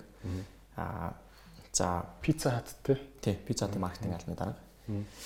За юун дээр бол франчайзинг бизнес маш их нөгөө ноу хавыг ингээд цутгадаг л да. Жишээ нь бид нар чинь жилдээ хамгийн багадаа 2 удаа гадагшаа хурал цуглаанд явж байгаа. Тэгээ нэг явахдаа бол нэг дунджаар 5 7 хоногийн хугацаатай. Тэгээ яг тэр 7 хоногийн хугацаанд чинь өглөө 7 8-аас ахуулаад оройны 7 8 болтол ингээл битүү сургалттай, хуралтай гэл ингээл явчихж байгаа. Тэгээ тэр орон чи яадгүй гэхээр шинээр яг тэр франчайзинг бизнест орсон хүмүүст өөрсдийнхөө нөгөө ноу хавыг мэдүүлэхийн тулд коллежууд гэдэг байдаг. Одоо чи маркетингийн коллеж гэх юм уу, бэлтгэн нийлүүлэлтийн коллеж гэдэг ч юм уу те. Ингээд коллежуудаар нь 2-оос 3 хоногийн хугацаанд бэлдээ сурагчиж байгаа. Манайх яг маркетинг нь ямар модулаар явдгийг, ямар одоо зарчмуудыг баримталтын гэдэг бүх юм заагаад өгч байна. Аа тэрнийхэн дараа нь яах вэ гэхээр тухайн үед шинэ явж байгаа маркетингийн трендүүд юу вэ те. Тэрийг нь одоо маркетингийн том том агентлагууд ноу хав ингээл үйлдвэрлэлж байгаа дээ одоо брендинг ингэж хийх хэрэгтэй байдаг юм байна. Одоо ийм шин санаа гарлаа гэдэг ч юм уу те. Тэр гадны агентлагуудаас бас яг тэр ноу хавыг хариуцсан хүмүүс нь хурж ирээд одоо ийм трендүүд явж байна. Одоо бид нар брэндээ ийм болох хэрэгтэй байна. Ийм шин логотой боллоо, шин слогонтой боллоо гэд ингээд яриад явчихна. Аа тэгээд тэрний дараа хамгийн сүүлийн өдрүүд нь яадаг вэ гэхээр бусад яг Азийн зах зээлүүдийн те шин туршлагуудыг best practice гэж ярьдаг те тэрүүн туршлагуудыг тэн дээр нь ярьчихна. Тэгэнгүүт чи яг нөгөө буцаагаад өөрсдийнхөө нутагт очихдоо бүрэн ингээ нэг цэнэглэгдсэн. Утсаар бол батарей ингээ ном ногоон болцсон 100% заацсан тий. Хэвээ үзүүлээд үгүй гээл онгосноос бууж байгаа. Онлооч мэдэн туршлагаач мэдэн тий. Бүх юма мэдээд гоё цэнэгтэй болчихж байгаа юм чи. Тэгээд юу гэх юм Малайзад болсон яг тэргүүн туршлагын аваачаал Монголд ирэхэд чинь л яг л тэр ажилдаг л байхгүй тий. Сингапурт өмнө нь болсон. Жохон монголжуулна. Жохон монголжуулаад юмнуудын баг зэрэг өөрчлөөд Сингапурт болсон тэр юмнуудыг нь авчирхад яг л болно. Аа тэгээ заримдаа тэр чинь бид нар ингээ өөрсдийнхоороо ч юм уу хийх гээд оролдсон шүү дээ. Тэнгүүд нөгөө франчайзинг яг бүс нутаг манахыг хариуцсан хүн ингээд хэлнэ. За наа чи ингээ болохгүй дээ ер нь болтгүй юм да гэдэг ч юм. Хөөе бид нар заримдаа өөрийнхоороо хиймээр санагдаж шүү дээ. Зөрөөд хийчин. Тэнгүүд тэр нь дийлэгтэй болохгүй. Яа тэр тэн чинь ингээд те хэдэн 10 жил хэдэн 100 жил ингээд яг тэр бизнесээ хийгээд үтцсэн. Юу нь болтго юу нь болохгүй бүгдийг ингээд стандартчулсан байгаа даа те. Тэгэхээр бол франчайзинг бизнесийн хамгийн том мундаг зүйл бол тэр нөгөө ноу хау тэнд ингээд үйлдвэрлэгдээд бүх зах зээл рүүгээ ингээд цутгаж идэг нь хамгийн гоё. Тэгээ байнгын цэнэгтэй байлгаж идэг. Аа тэгээ дээрэс нь чинь нөгөө мэдхгүй байх юм бол ийм зөвлөх хүнтэй нэг амархан шууд ороод одоо WeChat-аар ч юм уу те WhatsApp-аар ч юм уу ямар нэг юмар ороод асууч. За бид нар нэг ийм хийх гээд байна яах вэ? Гэхдээ нөөдөл чинь шууд ямар нэг хариулна. Аа мэдхгүй байх юм бол за би тэр зах зээлийн тэрнтэй холбогдоод гаадаг юм. Тэгээд Солонгосын зах зээлийн Солонгост байсан пиццад нэг хэсэг уналтанд ороод тэгээ тэрэн дээр менежмент багийг нь өөрчлөөд шог нь шин шогоор тавиад маркетинг гэдэг менежмент багийн бүгдийн шинэ хүмүүс авч тавиад тэгээ тэд нар нэг нэг үлээ 2 жилийн хугацаанд юм turn around хийгээд буцаагаад ингээд босгож ирсэн байдаг байхгүй. Тэгээ тэр түүх над бүр тухайд амар яасан вэ? Тэгээ тэд нар яасан бэ гэхээр хамгийн түрүүнд яг аягүй чанартай тэр судалгаанууд хийсэн байт юм лээ. Яг тэр problem detection survey гэдэг PDS гэж ярьдаг. Ер нь чинь яг ямар судалгаа хийх үү гэдэг бүртгэл нь бүр ингээд юутай баг протоколтой стандарттай байдаг. Яг чи энийг ийм шийдвэр гаргах гэж байгаа бол ийм судалгаанууд хийгэр. А энийг гаргах гэж байгаа бол чи ийм хийн шүү гэдэг нөгөө ноу хаунд бүгд байж байдаг. Тэнгүүд тэр PDS гэдэг судалгаа хийсэн. Айгүй чанартайгаар хийсэн. Тэгээ яг юу нь болох байгаа бизнесийнх нь а энийг яг яаж хахад болох ёстой гэдэг тэр хариултаа судалгаанаас гаргаж ирсэн байхгүй. Тэгээ судалгаанаас гаргаж ирэнгүүтээ яг тэрнийхээ дагуу нөгөө гүйцэтгэлүүдээ хийгээд явсан. Ерөөсө түрүүний хэлдэг шиг тоогоор удирдсан, фактор удирдсан Тэгээд хурдтай хөдөлсөн те. Тэгээд ингээд нөгөө буцаагаад эргүүлсэн. Тийм жишээ би бүр яг өөрөө юугаар харж байсан. Тэгээ проблем нь юу байсан бэ? Бодож харж байсан. Солонгост. Аа Солонгос төр тухайд бол хамгийн гол трейдинг хийсэн ажил нь бол бүтээгдэхүүн хөгжлөөсөн. Бүтээгдэхүүн хөгжил, бүтээгдэхүүний үн, бүтээгдэхүүний үн гэдэг чинь өөрөө асар том менежменттэй. Шинэ бүтээгдэхүүн гаргаад ирлээ чи энэ ундааг 1000 гэх юм уу, 2000 гэх юм уу? 1000 гэвэл нэг хэдэн тонны хүн аав, 2000 гэвэл хэдэн тонны хүн аав. Тэгвэл яг чиний ашигыг, борлуулалтыг хамгийн максимум дээр авч чадах үн хэдин бэ гэдэг тэр үнийг зохиох өөрөө амар том менежмент ахгүй тийм. Үнэ тэр зүг зохиох. Аа тэгээд тэр бүтээгдэхүүн хөгжил. Аа сүүл рүүгээ тэр солонгосын пиццаны тэр хөгжүүлэлт нь бүр ингээд урлагийн түвшинд очсон л та. Зөө зөө. Тэгээд тэр нэг одоо тэрнээс бид нараас инспирац аваад тухайд аа нөгөө махан аюулаа зайцсан дэлбэт ийм тийм тийм гэдэг бидэд янз янзын бүтээгдэхүүн чөмхтөө энэ гэж байна. Чөмхтөө пицца янз янзын тэр бас тэндээс инспирац аваад гой гой бүтээгдэхүүнүүд хийж исэн. Тэнгүүт тэр бүтээгдэхүүнчлэр мөнхөр мундаг ажилласан. Тэгэл брендинг тэр зураг авалт те бүх юмнууд нь. Би яг нэг харж ирсэн нөгөө пицца хатынхан байлуу, KFC-ийнхэн байлуу. Яг нэг юм адилхан юм зургийн студид зураг аваад таарчихгүй юу. Би болохоор нөгөө комедигийнхэн постерны зургийг авахулсан чи хажууд нөхдүүд зураг авчихсан байхгүй. Аа хаста гараар өрөөд юм жижигэн ширээн дээр тавиал пицца мица бүргэр мөргөр амар гоё тавьчихсан. Ингиж аваад тэгж аваад одоо ингэснэ гээс авч байгаа. Тэнд бол ерөөсөө бүр нэг супер юм хийгээд ах шиг ба. Өдөржин болт юм бил ч тий ганц юм тавьсан тавхтай пиццаны зураг авахгүй ч. Тий. Нэг рекламч ерөөсөө 45 секунд л байдаг. Хамгийн максимум. Тэгээ тэрийг бид нар чи ингээд нэг жижиг жижиг сүүл рүүгээ ухаана. Тэгээ 45 секунд рекламыг чи авах гэж л бид нар чи хэдэн өдөр болно. Тэгээ хажуудаа нөгөө студ дээр чинь бид нар ийм том шарах шүүгээ мүүгээ авчирсан. Тэгээ тэндээ ингээд хуучны нөгөө лисва мис байдаг шүү дээ. Зарим студ дээр бол бид нар тим юм дотор пиццага яаж байгаа л зургийг наад. Тэгвэл нөгөө салбараас хийчээ ч юм ингээд авчирж байгаа хооронд чинь чинь бяцлагч удчихаараа жоохон зурган дээр өөрчлөгч чинь тий гоё гарч чадахгүй. Тэнгүүч яг хажууд нь хийж байгаа халуун дээр нь тавьж байгаа зургийг авал. Тэгээ хоолны зурагч нь бас яг Монголд бас юу юм бэ лээ. Хоолны чиглэлийн зургаар ингээд гарцсан ч юм уу те мэрэгцсэн хүн баг байдгүй юм шиг л цөөхөн юм шиг байлаа. Тэр тэр болгоны чи ингээд нөгөө донжинд харуулад бас. Тийм тийм. Аппетит та те хүн идэхүйц. Гой харагдуулж байгаа нэг чинь. Юу вэ ингээд помидор момдорных нь дээр нэг усны тусал маслуудтай навдаг үстэй те. Тий. Бүр ингээд ярьсан чинь рүүсэлчлээ. Харин тийм. Nice. За тэгээд бархстайгаа маш гоё ярьцлага хийлээ. Тэгээд ажилд нь амжилт хүсье. Одоо би бол дахиад шоу хүлээгээд байгаа шүү ер нь. Үзэгчийнхээ хувьд бол гэдэг одоо заавал apprentice биш юм гэхэд ямар нэгэн шоу тий. Тий ер нь юм хоёрдугаар давуулгаа тий. Хүлээгээд байгаа. Тэгээд үзэгчд маань бас маш их дэмжиж байгаа гэж бодож байна. Бид нар одоо юу юу гэдэг нөгөө олонний танил одоо за маа монгол шиг улсныг од гэж ярих бас хэцүү л дээ тий. Лиминогийн анхаах хэлжсэн аахгүй нөгөө одоо таачтай нэр од ч анхаах гэж хэллээд байсан чинь Монголд олонний танил гэж байт тийм аа од гэж байдгүй маа. Тэ. Гэхдээ ер нь нөгөө олонний танил гэхээр л дандаа дуучид, бүжигчид ингээл нэг юм байдаг те. Аа миний бодлоор бол танаа шоуны одоо гал ганц гой хийсэн юм нэг юм бизнесийн од гэж бас байт юм а те. Ийм ийм захирлын захирлуудын од гэж те. Одоо celebrity CEO, celebrity teacher одоо одоо миний бодлоор маа Монголд нэг юм од багш гэдэг ойлголт бас баймар байна тийм. Одоо чоймо багш гээл хүн болгоны мэддэг монгол бичиг заадаг нэг од багш байсан. Тэгэл чоймо багшаас хойш яг юм үндэсний од багш төрсөн юм Монголд тийм. I don't know. Одоо тэгээд тэр шиг яг одоо яг бизнесийн ажил одоо ингээд зангиага зүгөөд ажиллаа хийдэг хүмүүсээс миний бодлоор ингээд яг celebrity CEO болж гарч байгаа нас айгу манай нийгмийн айгу чухал үзэгдэл гэж би ойлгодог шүү дээ тийм. За тэгээд сүүлийн минутыг бархас түлтэй. Баярлалаа Адрэ. Аа маш удаан бас ярилцлага боллоо. Би ер нь өмнө нь бол ийм удаан ярилцлага бол хийж байгаагүй юм байна. Хадаа маш сонирхолтой асуултууд асууж бас сонирхолтой ярилцлага боллоо гэж бодож байна. Тэгээд би бас өргөжлүүлээд түрүүний хэлсэн шиг, хоёулагийн ярьсан шиг айлуулах сонирхолтой юмнууд бас олон хүмүүст хүргэе гэж бодоод ер нь сошиал дээр бас итгэвтэй байгаа. Тэгэхээр үзэж байгаа хүмүүс бол бас намайг дагаараа гэж энэ завшааныг ашиглаад бас лайк лайк лайк лайк лайк шэр шэр шэр. За тэгээд Бархсын бүгдээрээ тэгээд дагаараа гоё холбоотой байгаараа гэж хэлмээр байна. Баярлалаа. Баярлалаа.